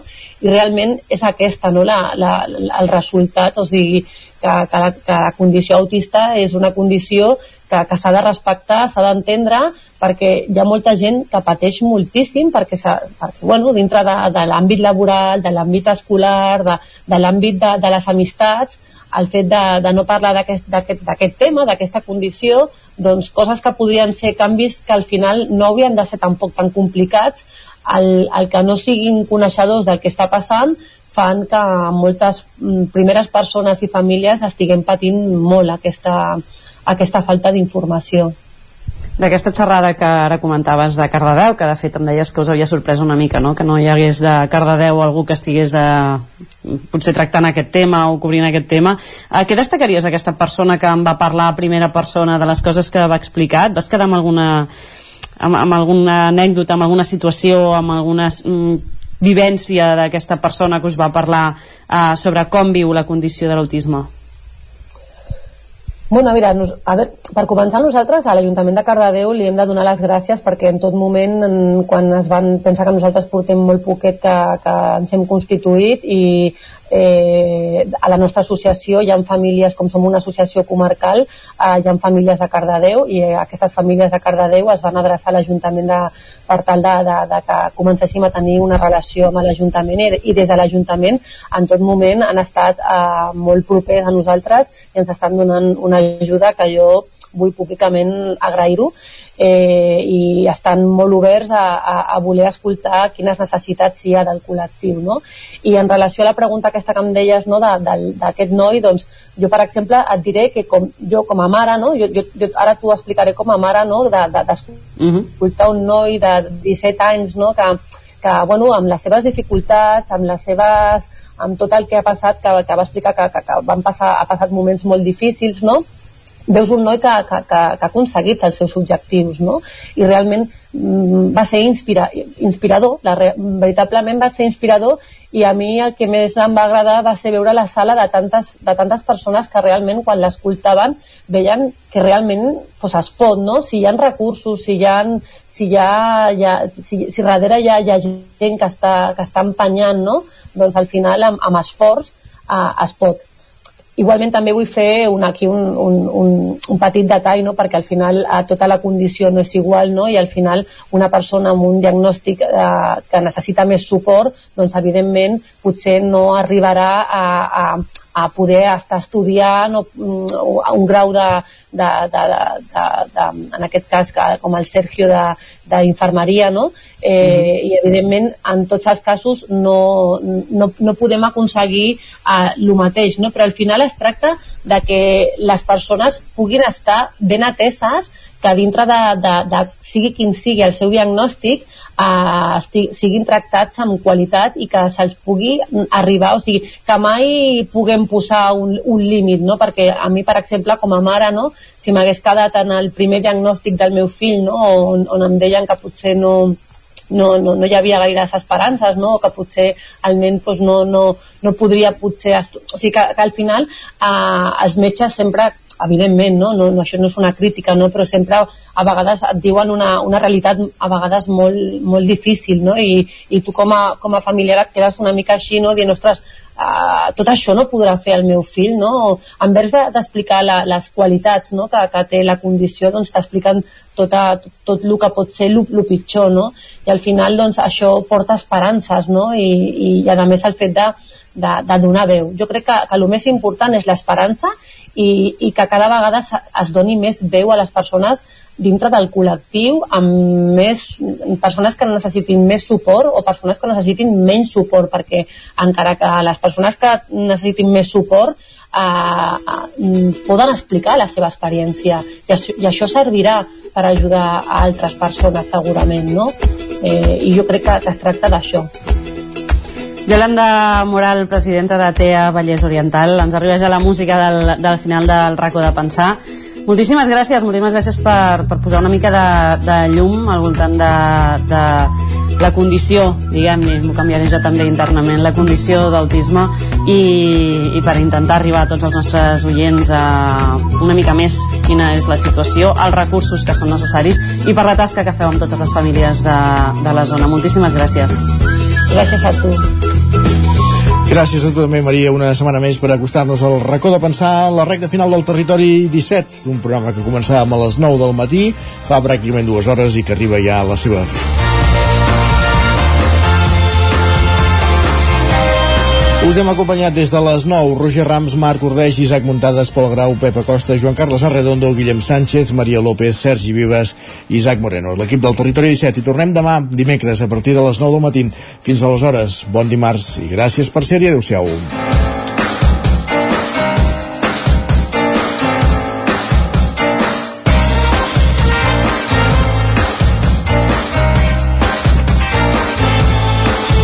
Territori 17, un magazín del nou FM. La veu de Sant Joan, Ona Codinenca i Ràdio Cardedeu amb el suport de la xarxa.